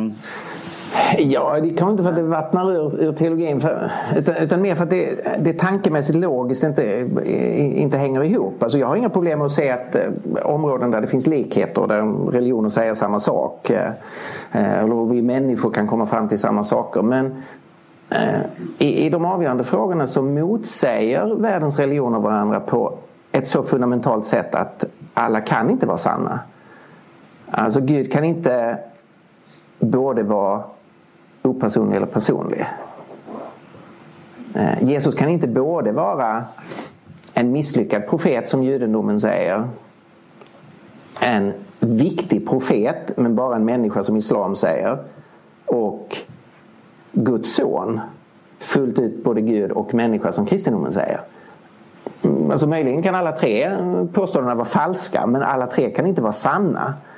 Eh, och, och, eh, därför så blir man tvungen, tycker jag, åtminstone om man liksom resonerar rationellt, att man måste avvisa ett antal religioner, möjligt, möjligtvis avvisa allihopa. Men det här att liksom bara bejaka religiositeten, eh, det, det fungerar inte.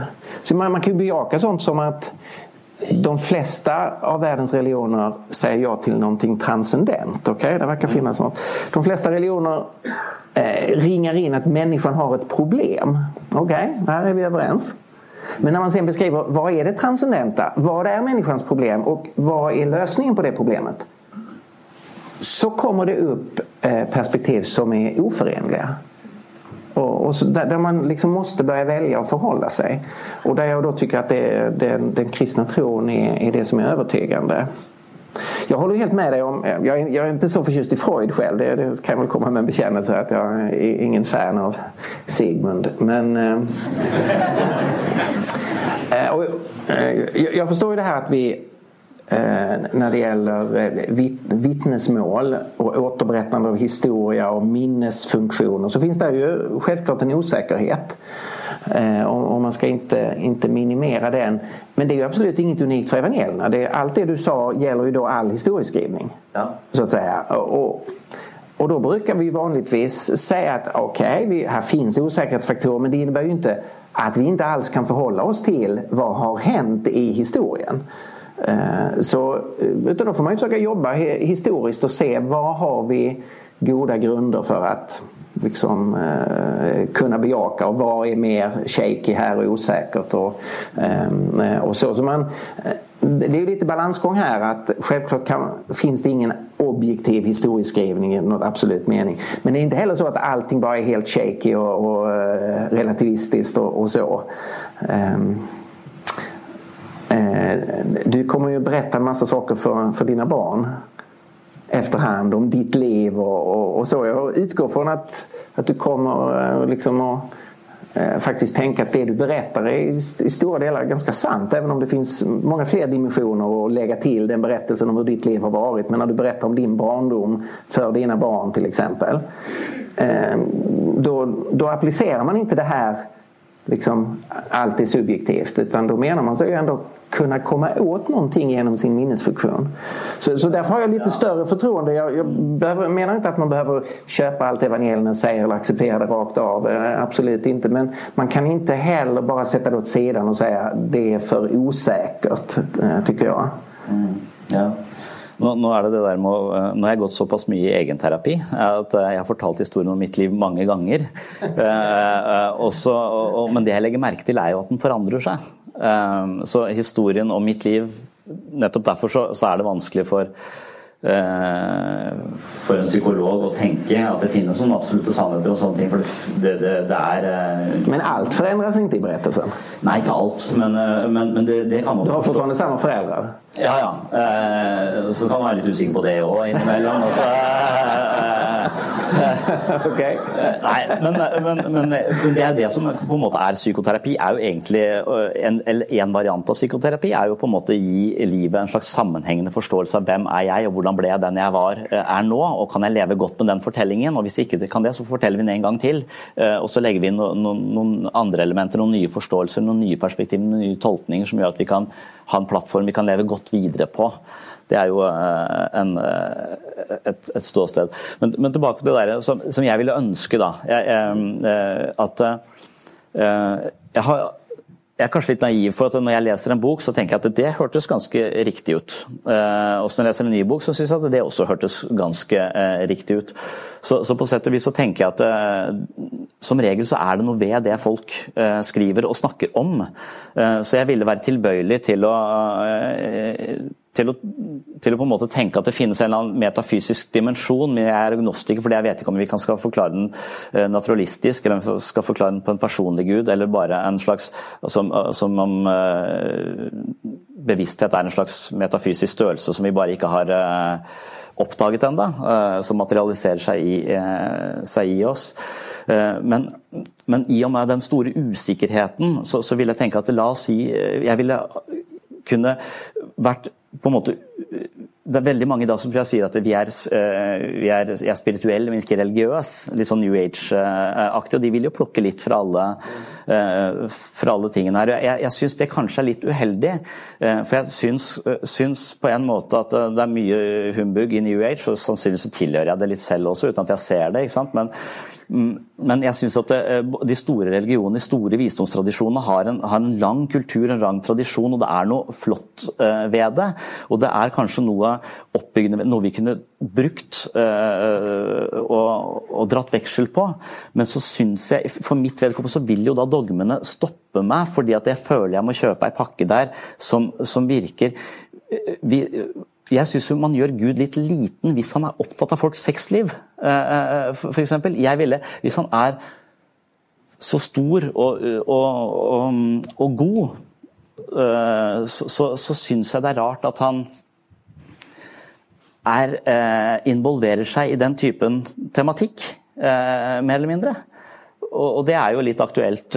Så, så, så, på mange av disse med, med jomfrufødsel og, og, og kvinnesyn og, og, en del av de typiske problemene man kan få i visse Det er jo veldig forskjellig hvordan kristne ser på alle de tingene der. Da. Eh, og Noen er jo veldig liberale, og andre er mer, eh, mer konservative eh, på det. Men alle de elementene der eh, bryter jo mot min egen moral, på en måte. Det bryter mot min egen eh, ja, jeg, jeg, kan ikke stå for det. Eh, og, så, og Da, da syns jeg de, de, fortellingene forstyrrer. Men hvis vi hadde tatt disse fortellingene sånn som jeg tenker Jeg er opptatt av mytologi, egentlig. Jeg, jeg, det det syns jeg er en sånn fin jeg, jeg, tror det er Joseph Campbell som sier at et liv uten mytologi er på en måte bare en tilfeldig ansamling av oppturer og nedturer uten å på en måte støtte. Så at, eh, mens en fugl fødes og har alt den trenger for å overleve innkoda i DNA-et, så har vi fortellingene våre. Vi har fortellinger om levd liv, og disse fortellingene fungerer som, som på en måte eh, veiledere eh, i livet. Vi, vi, står på skuldrene av andre, vi har en slags historie, vi er del av en kultur, og vi på en måte forstår oss selv i vi er alle litt Odyssevs, da, på en eller annen måte. Vi, vi møter eh, ikke Karibdis og Skulla nødvendigvis, vi møter ikke sjuhoda troll, men vi møter jo en misfornøyd eh, nabo innimellom, og det kan jo ligne litt. Eh, så, så livet vårt er full av disse, disse, disse tingene. Og kan man, hvis man ser historiene, forteller oss noe om Det er en slags veiledning, en slags støttespiller i livet. og Da, da, da vil jeg kunne tenke at vi kan bruke, vi kan bruke disse fortellingene som som noe vi kan bryne oss på, noe vi kan prøve å forstå. Jeg, jeg, jeg, vil jo helst dit. Jeg vil, jeg vil at Havet symboliserer bevisstheten, og det som bor i havet, symboliserer alt det som er i oss av krefter og hat og uro. Alle de kreftene vi ikke egentlig orker å ta inn over oss, men likevel skjuler seg i dypet av vårt indre liv. Og så blir vi på en måte eh, slukt av en stor fisk, eh, og så kommer vi ut på et eller annet tidspunkt, og da har vi på en måte møtt våre indre demoner. Vi har blitt litt større, vi har tatt litt mer ansvar for egne følelser, og så kommer vi opp eh, og Det er fortellingen om Jonah, f.eks. At vi kan bruke det til vi kan, vi kan, bruke det til eh, å vokse eh, og bli bedre mennesker, men ikke hvis de er, skal forstås at det faktisk, kan ble, faktisk ble spist av en hval. Det, det, kan man si til man, Sånn kan man forstå det fra ett perspektiv når man er yngre, men så kan de anta mer abstrakte former etter hvert som man vokser. Det, det hadde jo, da, da, hadde jeg hatt lettere for å, for å bli en del av et, et, et religiøst miljø. Da. Eh, Men, men, det er jo ikke du noe særlig eh, for. At du skal bli en del av et religiøst miljø, jo da. Det er veldig for. Men nej, en, en, en mytisk forståelse kan være til stor hjelp i, i, i mange sammenheng. Og, og, og, man kan anvende mange texter på det settet. og, och så att säga, bli, bli, bli berikad av, av det. När det gäller den kristna tron så är det på några punkter där, där jag skulle säga att det är det är uteslutet. Och du, ska säga, du, du, har, du har nämnt två av de punkterna där, där, kristen, där kristen tro är provocerande konkret och det är jungfrufödseln, inkarnationen och uppståndelsen. Det går inte att ta Nya Testamentet på allvar och försöka läsa det bara, bara mytologiskt. Och frågan är om, om det egentligen är ett problem. Så om jag får vända på det, det som du ser som ett, eh, ett problem så skulle jag säga att det är, det, det är istället en... Eh, att det, det öppnar sig någonting här. Alltså den konkreta läsningen av om vi börjar med inkarnationen, behöver inte innebära en, en begränsning. Alltså för det första så, eh, det som folk har, ofta har för sig, ja, men, eh, det här är ju liksom naturvetenskapligt uteslutet. Eh, ja, det är självklart. Det kristna tror inte heller att detta har skett utifrån naturen.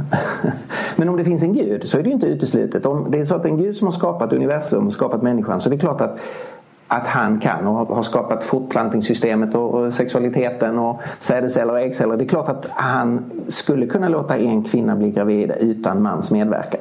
Det är så att säga inget ologiskt i det. Därför att det sker inte utifrån naturen utan utifrån Gud.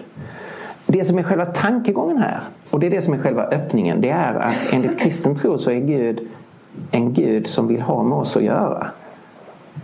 Och som inte bara har skapat oss för att betrakta oss på distans eller, eh, eller så. Utan en Gud som eh, träder in i vår värld, blir som en av oss. För att knyta kontakt. Det är egentligen ett relationellt, en relationell tankegång. Att Gud kommer hit och blir en av oss. Och enligt kristen tro så har Gud förbundit sig själv med en mänsklig natur för att aldrig mer separera sig från det. Därför att Gud vill vara med oss. Ja, det är en väldigt spännande tankegång. Eh, det höjer ju det mänskliga. Att, att vara människa det är att vara någonting som Gud både har skapat och som Gud själv har förbundit sig med. Jag skulle säga att det här ligger bakom den väldigt höga människosyn som finns i kristen tro. Att vi skapade till Guds avbild och Gud själv har valt att, att bli människa. Och den andra punkten det är, är uppståndelsen. Som inte är en metafor för att eh, liksom efter efter vinter kommer vår. att livet går upp och ner, efter mörker kommer ljus. Utan faktiskt presenteras som en, en faktisk händelse. Där det som både du och jag är rädd, rädd för, döden, och det som har malt ner varenda människa, varenda generation hittills faktiskt bryts på en punkt. Att en människa dör men kommer tillbaka till eh, oförstörbart, eh, förhärligat liv som ett tecken på att döden ska inte ta oss slutgiltigt utan livet ska segra. Och det är verkligen konkret tänkt eh, och menat att uppståndelsen skedde. Du, du nämnde här i samband med, eh, inte lite tidigare här, att ja, men, i, i, terapi så går man igenom och, och berättar sitt liv igen och igen och, och förändrar och, eh, och, och, så. Det är väldigt intressant om man, om man läser evangelierna så kan man se att de är de är ganska tydligt redigerade texter. De är väl genomtänkta, väl strukturerade, de har bearbetat materialet. Men inte de sista kapitlen om uppståndelsen. Eh, man kan med ganska stor säkerhet säga att det är traditioner om händelser eh, som hände efter, eh, efter avrättningen som är frusna i ett mycket tidigt skede. Av följande skäl. Det finns ingen som helst bearbetning av hur detta stämmer med Gamla Testamentet övriga evangelierna så finns det liksom en, en, kommentar, en redaktör som säger detta skedde, det, så uppfylldes löftet hos den och den profeten. Finns ingen sån bearbetning vad uppståndelsen betyder. Så det är en tradition som man har frusit i ett mycket tidigt läge. Så det är en mycket gammal tradition. Man har inte hållit på att bearbeta sin terapi så att säga. Eh, för det andra så är det glasklart att det är kvinnorna som hittar graven tom. Vilket kulturellt sett är väldigt svagt vittnesmål. När man senare ger, tänkt, eh, liksom ska presentera sitt starkaste case då hoppar man över kvinnorna. I första Korinthierbrevet 15 så är det Petrus och Jakob och alla apostlarna. Därför att det har bättre kulturell cred. Men i evangelierna är det kvinnorna som upptäcker att graven är tom, kroppen är borta och som möter Jesus först. Ja, det är ett tecken på att det verkligen hände. Därför det är inte redigerat. Man skulle aldrig hitta på berättelsen på det sättet. Man skulle inte redigera om den på det sättet. Ehm, så just när det gäller uppståndelsetexterna så är vi i ett intressant läge att det inte är ett resultat av terapeutisk bearbetning. Ehm, ja, det finns mer, mer, mer att säga om det men min egentliga poäng här är att, att inkarnationen, uppståndelsen, där är kristendomen provocerande konkret. Och det är verkligen konkret tänkt. Det finns förstås liberalteologer som tolker tolkar om det men om du tar från apostlarna och genom hela kyrkans historia så har ju alla de stora kyrkotraditionerna varit helt en, ense här. Att eh, kristen tro finns inte om du tar bort inkarnationen och uppståndelsen som verkliga historiska händelser. Mm. Ja. Eh, mm. Men um, uh, Men når det kommer til disse andre spørsmålene som homofili og, og, og sånne ting som også er litt sånn irriterende, på en måte. Eh, det, det forstyrrer eh, det åndelige, sånn, for mitt vedkommende. Altså, så, så, så, så, tenker jeg det, det, det, Sånn jeg forstår islam, f.eks., så, så, så er islam et mye mer sånn Det er en gjengivelse av Guds ord. Eh, det er ikke gjenfortalt, sånn som evangelien osv. Så, videre. så Så i kristendommen så har man et større fortolkningsrom. Det er mer eh, rom for, eh, for fortolkning. Noe som også kanskje gir mer rom for tilpasning og inkludering og og, ja, og man, man, tilpasser seg en, eh, en, slags eh, utviklingsprosess her også. Dermed så, så, vil man kanskje si at den passer bedre inn i vår tid. Det er vanskeligere å tilpasse eh, noe som står der svart på hvitt, og det står veldig tydelig, og det er Guds, eh, Guds ord. Mens kristendommen har mulighet til å fortolke dette og, og, og tilpasse det litt eh, sånn henad veien. Det har, jo, det har, jo, skjedd reformasjoner og det har jo skjedd eh, forandringer. Så den er tilpasningsdyktig. og, og at, at, man, Jeg skulle ønske man kunne spille mer på det. altså Gi, gi det eh, jeg vil, du sier at det, Enten så fins Gud, eller så fins ikke Gud. Jeg vil tenke at det, Gud fins vel på så innmari mange forskjellige måter, avhengig av hvilken posisjon du ser det fra. Altså Når du er syv år, så er han vel en hvit mann med skjegg. Og da skal han få lov til å være en hvit mann eh, med skjegg, men etter hvert som du, du utvikler deg, så, så vil du kanskje få eh, helt langsomt mer abstrakte og mer eh, sofistikerte syn på denne åndeligheten, denne, denne guddommeligheten. Eh, og at, dermed, at, det burde være det rommet for, eh, for, vekst, rommet for en slags eh, bevegelse, en åndelig bevegelse. Og det er vel der jeg kunne på en måte heie litt mer på de østlige tradisjonene, for jeg syns det gir litt mer rom for vekst. Da, og det ligner jo litt mitt eget fag også, på sett og vis. Men så, men så syns jeg man da setter seg fast på et litt sånn barnslig nivå når det gjelder en del av disse fortellingene som man skal forstå så bokstavelig. Eh, som om det stagnerer og, forstyrrer, så man kan tenke litt eh, at det her ja, det forstyrrer hele, hele prosjektet, istedenfor at det er et prosjekt om å Jeg tenker at det, mitt prosjekt må være å dempe egoet mitt litt, sånn at jeg er i balanse. For hvis jeg er i balanse, eh, så har jeg mer å gi. Altså at Helt opp til jeg er i balanse, så trenger jeg andres beundring eller bekreftelse eller et eller annet fra andre. Idet jeg er i egobalanse, så vil behovene mine forandre seg fra å bli egosentriske til verdenssentriske 'jeg blir opptatt av andre har det bra'.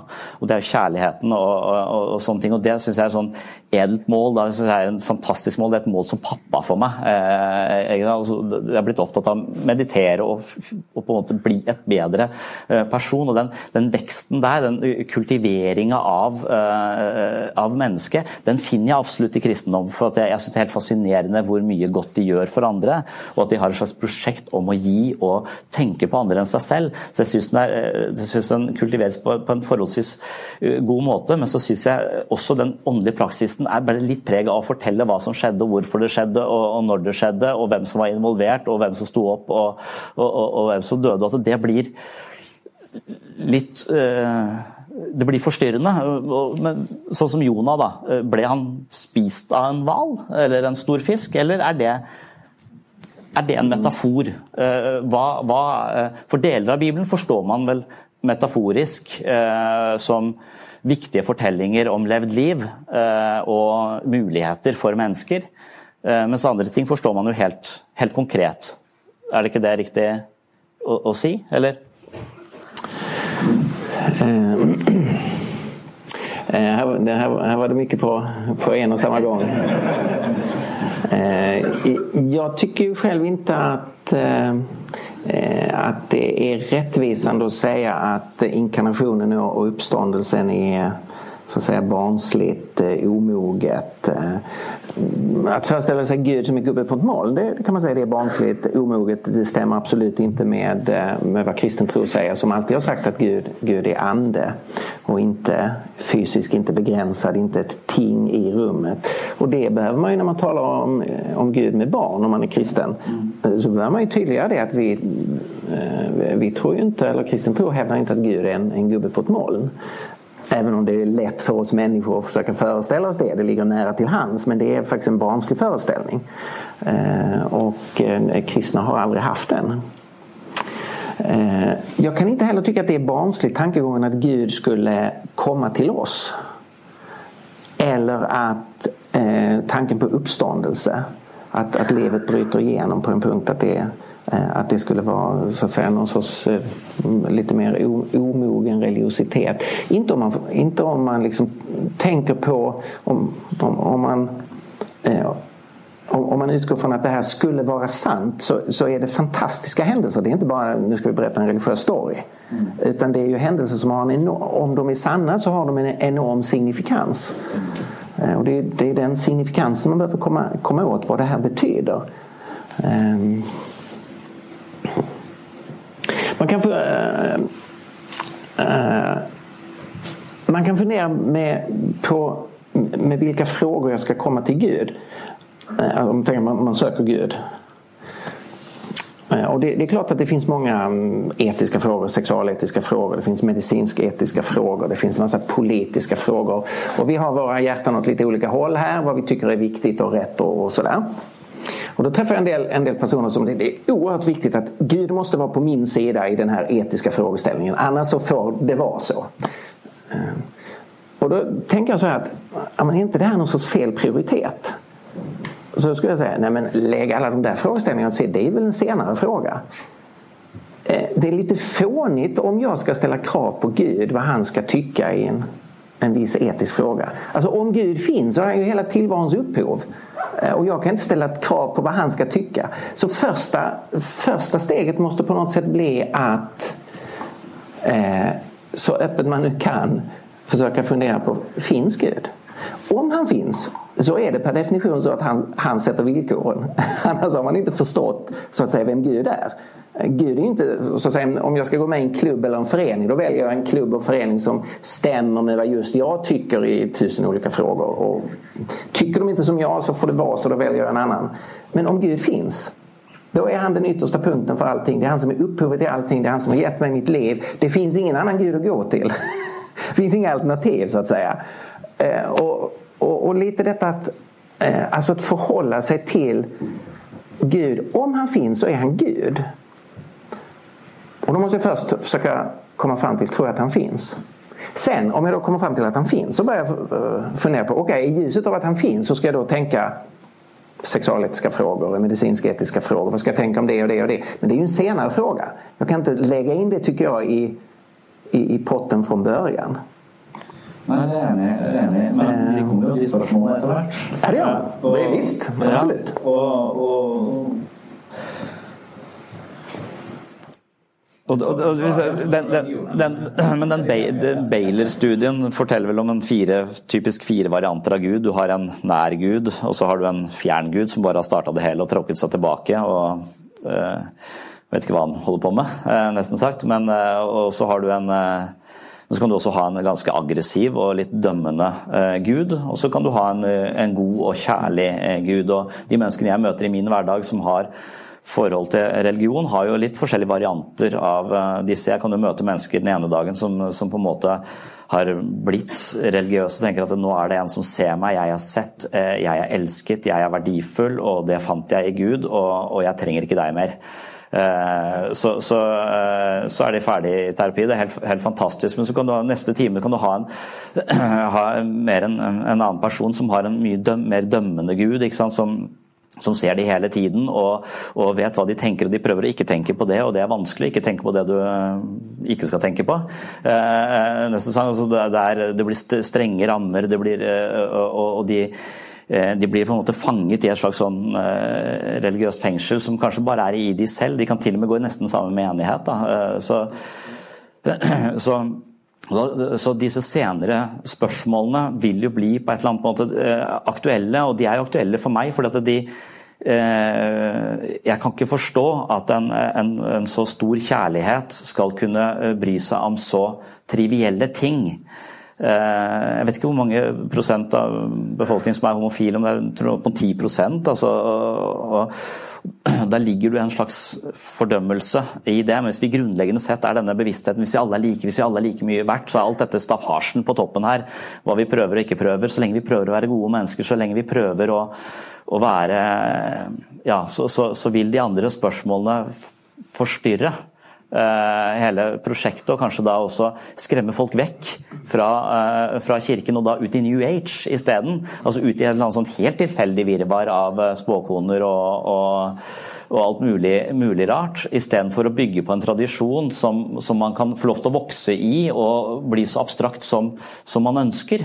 Eh, og, og, at eh, en, en, god prest snakker til deg på det nivået du er på. Om du da trenger en mann med hvit skjegg, så er det en variant. Det finnes, eh, men det finnes også eh, en helt annen, eh, annen variant. altså et system for bevegelse, men innenfor tradisjonen, innenfor den samme kristne eh, tradisjonen. Og det fins sikkert, men, men, men, her på Sørlandet så debatteres jo uh, homofili, og det er jo akkurat uh, veldig aktuelt nå når uh, likekjønnet kan gifte seg osv. så mm. Så, så jeg syns det, det, det, gjør Gud litt liten, at han bryr seg om det. eller jeg gjør du ikke det?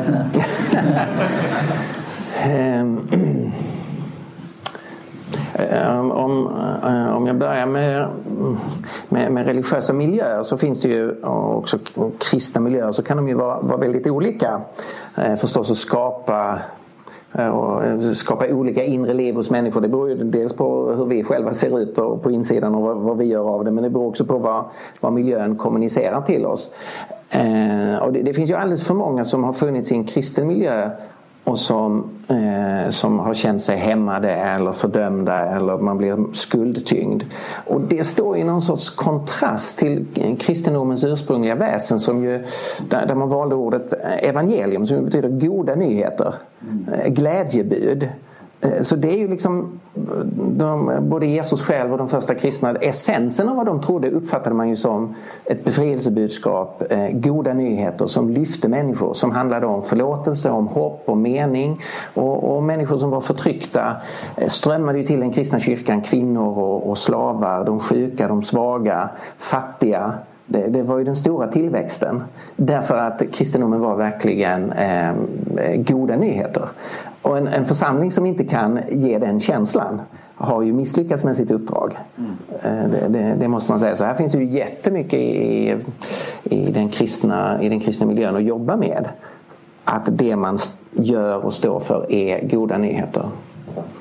Eh, sen är frågan om, eh, när det gäller sexualitet så kan man säga, varför ska Gud bry sig om det? Det är för trivialt. Jag skulle väl säga att det är lite konstigt att säga att sexualitet är trivialt. Själva tycker vi det är otroligt viktigt. Eller hur? Och, bakom din fråga ligger ju en reaktion på att människor har fel uppfattning om sexualitet. Det här är allvarligt. De borde inte ha fel uppfattning om sexualitet. Så du signalerar ju själv att det inte är en trivial fråga. För dig eller för andra, andra människor. Jag tycker absolut inte det är en trivial fråga. Ja, så... Ikke man skal mene noe bestemt om det, syns vel at folk skal få velge det selv og føle seg frie til å velge det selv. Men så ligger det noen føringer på hvordan det skal og ikke skal være, eh, som, mm. som virker litt Och det är väl egentligen frågan igen, kan, eh, kan någon människa komma undan det att, eh, att när det gäller sexualitet så blir man nödgad och någonstans dra en, en gräns, en linje och säga ja, men det här är sunt och gott och positivt, liksom, kör på. Och här är ett område utanför som nej, det är kanske inte det bästa sättet att leva ut sin sexualitet på. Det måste väl alla göra så att säga. Det, det, är nästan oundvikligt att man gör någon sorts gränsdragning. Det är bara det att vi drar gränserna eh, olika där. Och då har ju de sista 30-40 årene åren så har ju den stora frågan varit eh, frågan kring eh, samkönade sexuella relationer. Eh, eh, vi har flyttat på den gränsen så att säga, först i samhället och sen eh, har eh, en hel del kyrkor flyttat på, på den gränsen. Men själva grejen att man har en gränsdragning, det är oundvikligt. Så jag delar inte riktigt din föreställning att, eh, att det här är trivialt, att om Gud skulle ha någon synpunkt. Och för mig så ligger det lite i, i förlängningen av tankegången att Gud finns, han har skapat världen. Då är det inte konstigt om han har en tanke med världen. Och sen får man fundera på hur, hur detaljerad är den tanken. Men det är lite upp till Gud. Eh, jag kan inte utesluta det från början att han skulle kunna ha en tankegång för vad har jag avsett med det faktum att jag har skapat män, kvinnor, att de är sexuella varelser, att de fortplantar sig? Ja. Jag måste vara öppen för det i alla fall. Jeg er helt, helt, enig med Jeg tenker at vi er kapable til å dra de grensene selv i kraft av lovverket vårt, i kraft av eh, på en måte moralske føringer som vi, vi, vi blir enige om. I, i en mm, det tror jeg også er veldig langt. Eh, så, så, jeg synes det er litt eh, så da, da igjen så syns jeg kanskje teksten er litt for gamle til å, til å gå ut ifra de for hvor man trekker opp disse, disse linjene. At vi skulle være modne nok til å, å, trekke opp disse linjene selv nå. Og så kan man jo mistenke at det kanskje gå ut og bli mange er, er, en god idé hvis du ikke er så mange som tror på dette og, og, og trenger flere. Men nå er det jo mer enn nok, er vi ikke det da? Eller, vi, vi, vi trenger jo ikke å bli så mange flere, nesten sagt. Så, man, man kan si at det finnes ett bud som vi mennesker har holdt. Og, og eh, finns bara ett, oj, det finns bara ett bud vi människor har hållit och det är ju eh, eh, uppfyll jorden. Ja, ja. Alla andra av Guds bud har vi, har vi väl misslyckats med. Men vet ja. Så, så, er jeg helt enig i at vi må trekke opp noen grenser der, og, og for all del ikke skade andre, andre mennesker. Eh, så, eh, men, men der syns jeg jo religion blander seg litt eh, inn. Jeg syns likestilling har vært et problem. Jeg, jeg, ville tro at hvis Jesus kom tilbake, ville han være kvinne. Jeg tror kvinner er mer tilpassa et sivilisert samfunn enn Eh, enn menn er, rent sånn eh, biologisk sett. Altså, vi har rett for å enten angripe eller stikke av. Og, og, vi har ti ganger så mye testosteron eh, og blir ti ganger så raskt sinte. Noe som ikke er veldig fordelaktig i en vår kultur. Jeg føler at jeg i forhold til det å være pappa, så er kona mi 100 ganger bedre. Altså, for at alle hennes naturlige impulser er pedagogisk riktig, mens mine ikke, eh, ikke er det.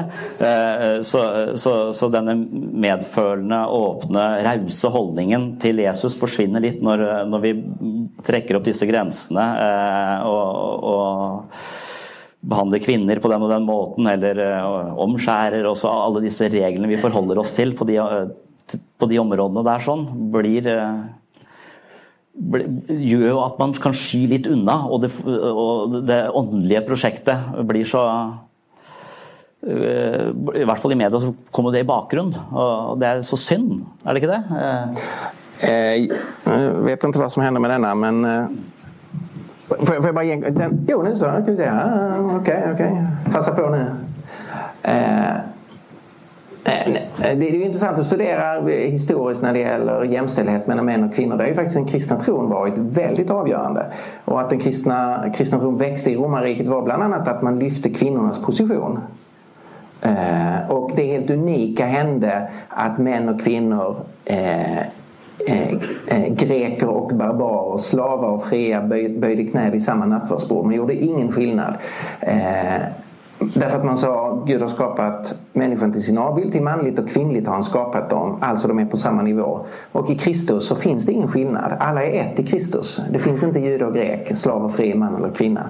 Så hela impulsen till eh, jämställdheten som vi är så stolta över i de nordiska länderna med all rätta den grundläggande impulsen kommer idéhistoriskt från den kristna tron. Sen har kyrkan inte alltid genom historien tagit sina e-, egna idéer på fullt allvar så att säga. Så det går att kritisera kyrkan hur mycket som helst här på många olika områden. Men om man tittar på var idén kommer ifrån så är det faktiskt en, en kristen idé. Eh, så där vi har ju väldigt mycket i vår kultur att tacka för den, den kristna trons inflytande. En likestilling? Eh, Och likestilling, yes. Når fikk eh, Frikirken sin første kvinnelige pastor eller prest? 2006? Ok, ja, det kan det... det. Ja, okay. Siste kommentar på det? Ja, det, og da, da kan man vel si at eh, det är väl inte själva huvudfrågan i, i, i likestilling. Alltså också i ett samhälle där man, man säger män och kvinnor har samma värde så, så finns det förstås en möjlighet att ett, ett religiöst samfund säga av olika anledningar så ger vi män och kvinnor olika roller här. Det, det är egentligen inte ett, ett grundläggande uttryck för ojämlikhet skulle, skulle jag säga. Eh, utan det är mycket viktigare att man på Eh, på alla andra områden i, i, i, samhället att man ger människor samma status och, och, samma möjligheter. Men rätten att bli till exempel präst eller pastor den är ju begränsad. Det är ju ingen allmän mänsklig rättighet. Du måste omfatta vissa trosföreställningar. Du måste ha vissa eh, intellektuella, eh, psykologiska kvalifikationer. Så det är ju det är inte så att vem som helst kan, kan bli präst. Och då, eh, och då måste ett Eh, då måste ett, ett religiöst samfund ha den rätten att definiera. Mm. Hur tänker vi om eh, det religiösa rollspelet? Mm. Så, så, jag skulle vilja göra skulle vilja göra en, en, en, distinktion där att det egentligen inte handlar inte om den grundläggande frågan om, om jämställdhet. Ok, og, og Mye av det du sier syns jeg er flott, og jeg syns det er mye av det jeg har opplevd også når jeg har vært i forskjellige menigheter og, og, og sett og, følt at folk eh, trener på medfølelse. altså De trener på å være gode for andre, og det tror jeg er det beste vi kan gjøre. Så jeg, så jeg syns det er ekstremt mye bra eh, med det. Og jeg syns det er en sånn raus, inkluderende holdning, samtidig som det minner om en stammementalitet på samme tid. Så det er som, og det, det, det er alltid, Jeg kommer aldri til bunns i det heller, altså, det blir aldri helt avklart. Altså.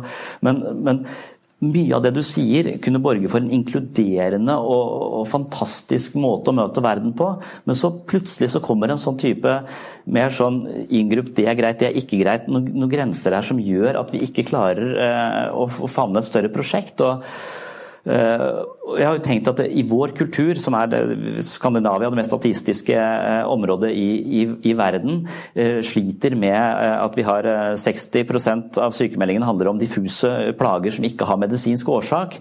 Og at det kan handle om en slags åndelig fattigdom. Ikke det at man trenger å tro på noe Gud her, men at det, det, er, det mangler arenaer for å tenke innover, eh, kjenne etter på de store eksistensielle spørsmålene. For da må du tilhøre en, en menighet, eller eh, det er der det tradisjonelt sett har foregått. Men så, så er det flere og flere som ikke klarer de ikke klarer å kjøpe den pakka, eh, pakka helt. fordi at den, Jeg mener den stopper på et tidspunkt her. så at hvis man hadde, Mye av det du sier kunne, kunne vært mer attraktivt for mange eh, hvis de ikke hadde butta på disse mer sånn nei, det er greit, det er ikke greit. Altså, du lager noen grenser her som, som ekskluderer en del, eller skaper holdninger som mange ikke kan stå for. Det, det syns jeg er så um, fortærende. Eh, jag får väl ta det som en, eh, en, strategisk, en strategisk utmaning. Jag vet inte vad som händer med den. Jag får väl ta det som en strategisk utmaning, eh, det som du säger. Och, och samtidigt så kommer det med nödvändighet. Alltså den kristna tron har sanningsanspråk och är inte bara en en allmän liksom, världsförbättrarförening som kan hjälpa människor att må bättre. Utan här, här, sanningsanspråk som kommer att göra att vissa människor säger nej men jag köper inte det, jag vill inte det, jag, jag, tror inte på det. Och den kristna församlingen kommer säga detta är vår övertygelse, detta är vår tro, detta identifierar oss. og och därför kommer det finnas en viss dubbelhet. Den kristne är kallad att älska sin nästa, att göra gott i världen. Och vi, vi ser nu i, i, Sverige till exempel med det enorma flyktingmottagandet så är det den kristna församlingen som räddar den svenska staten inte enbart, men gör ett gigantiskt arbete att ta hand om, om, om människor.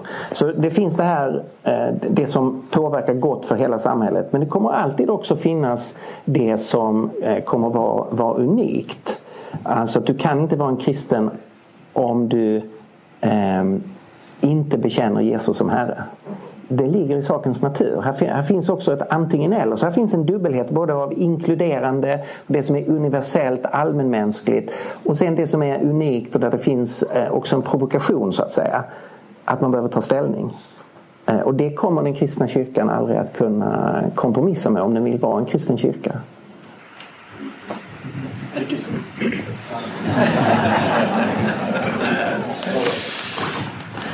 Er det ikke spennende? Interessant. Vi kunne stått lenge. Forskjellen på, på, oss og de det er at der sitter utrolig godt. det er utrolig hard benker her oppe. Og, og, det, og, det, blir seint, så vi måtte ha respekt for, for eh, nå er det, altså, hvor, hvor, lenge tror dere dere sitter og prater her? Ja, ja, ja. Så det, det er sånn ca. en time og tre kvarter som vi har hatt en samtale. Og det føles ikke sånn for dere, og, men det føles ikke sånn for oss heller, for dette var kjempeinteressant. Det var veldig vanskelig å bryte inn. For dere har så mange gode spørsmål og mange gode kommentarer. Og det var en god del spørsmål du ikke fikk svar på. Eh, F.eks. Var Jonas i fisken? Fikk du svar på det? Jag, just det. Jeg glemte å svare på det. Var Jonas i fisken? Ja, det, min utgangspunkt blir at da må man lese denne profetteksten profettexten fundere och på er det, er det her menat som en eh, mytisk berättelse? Eh, eller är det avsett som en, en historisk text? Och min, min första frågeställning är att jag vill ta texten på allvar. Jag vill inte bestämma för i förväg vad det är för sorts text. Eh, därför det är det enda hederliga att låta författaren som har skrivit texten om möjligt ge mig svaret. Är det avsett som en verklig historia eller är det avsett som en myt? Ja, då skulle vi behöva läsa texten och titta på det. Jag eh, uppfattar att det är avsett som en, en verklig historia. Eh, du, du, kan läsa den mytiskt men jag tror att det kanske var en, en verklig historia. Eh, jag är beredd att diskutera det, eh, argumentera runt och titta på olika alternativ men jag undrar om det inte är så. Jag tror också att texten säger inte att Jona överlevde eh, tre dygn i en stor fisks buk, vilket är söndagsskolversionen. För om du läser texten så, så talar Noa om att han dog. Alltså, så jag tror faktiskt att det är en text som handlar om att eh, det är en stor fisk som eh, dödar Noah, eh, Jona. Eh, och att Gud låter honom få livet tillbaka. Och det är en av anledningarna att Jesus säger ni ska få ett tecken. Och det är profeten Jona tecken. Precis som Jona var eh, tre dagar i den stora fiskens buk så ska Människosonen vara död i tre dagar men uppstå. Och den parallellen blir mycket tydligare om Jona faktiskt var död. Men där skulle vi behöva titta på texten om, eh, om man skulle försöka reda ut det. Men som mitt svar är, jag tror att det är historia men jag är öppen för att diskutera. Skulle det kunna vara en myt? For det er sikkert 17 andre spørsmål du ikke fikk svar på. Men det er vi, vi, eh, Det er som sagt litt å spise på der ute, og så en kopp kaffe. Det har vært fint å kunne sitte og prate litt videre om dette. Men hvis det er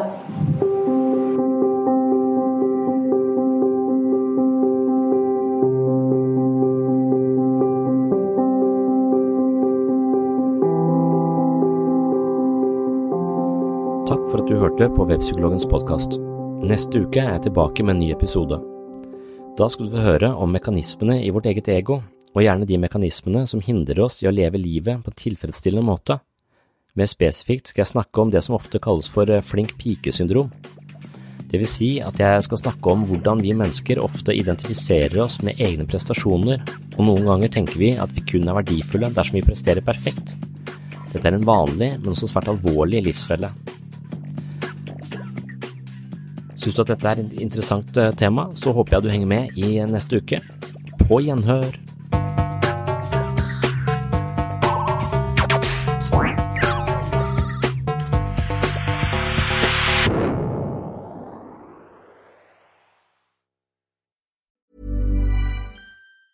Planning for your next trip? Elevate your travel style with Quince. Quince has all the jet setting essentials you'll want for your next getaway, like European linen premium luggage options, buttery soft Italian leather bags, and so much more. And is all priced at 50 to 80% less than similar brands. Plus, Quince only works with factories that use safe and ethical manufacturing practices. Pack your bags with high-quality essentials you'll be wearing for vacations to come with Quince. Go to quince.com slash pack for free shipping and 365-day returns. Mom deserves the best, and there's no better place to shop for Mother's Day than Whole Foods Market. They're your destination for unbeatable savings, from premium gifts to show-stopping flowers and irresistible desserts. Start by saving 33% with Prime on all body care and candles. Then get a 15-stem bunch of tulips for just $9.99 each with Prime. Round out Mom's menu with festive rosé, irresistible berry chantilly cake, and more special treats. Come celebrate Mother's Day at Whole Foods Market. Planning for your next trip? Elevate your travel style with Quince. Quince has all the jet setting essentials you'll want for your next getaway, like European linen, premium luggage options, buttery soft Italian leather bags, and so much more. And is all priced at 50 to 80% less than similar brands. Plus, Quince only works with factories that use safe and ethical manufacturing practices. Pack your bags with high-quality essentials you'll be wearing for vacations to come with Quince. Go to quince.com slash pack for free shipping and 365-day returns.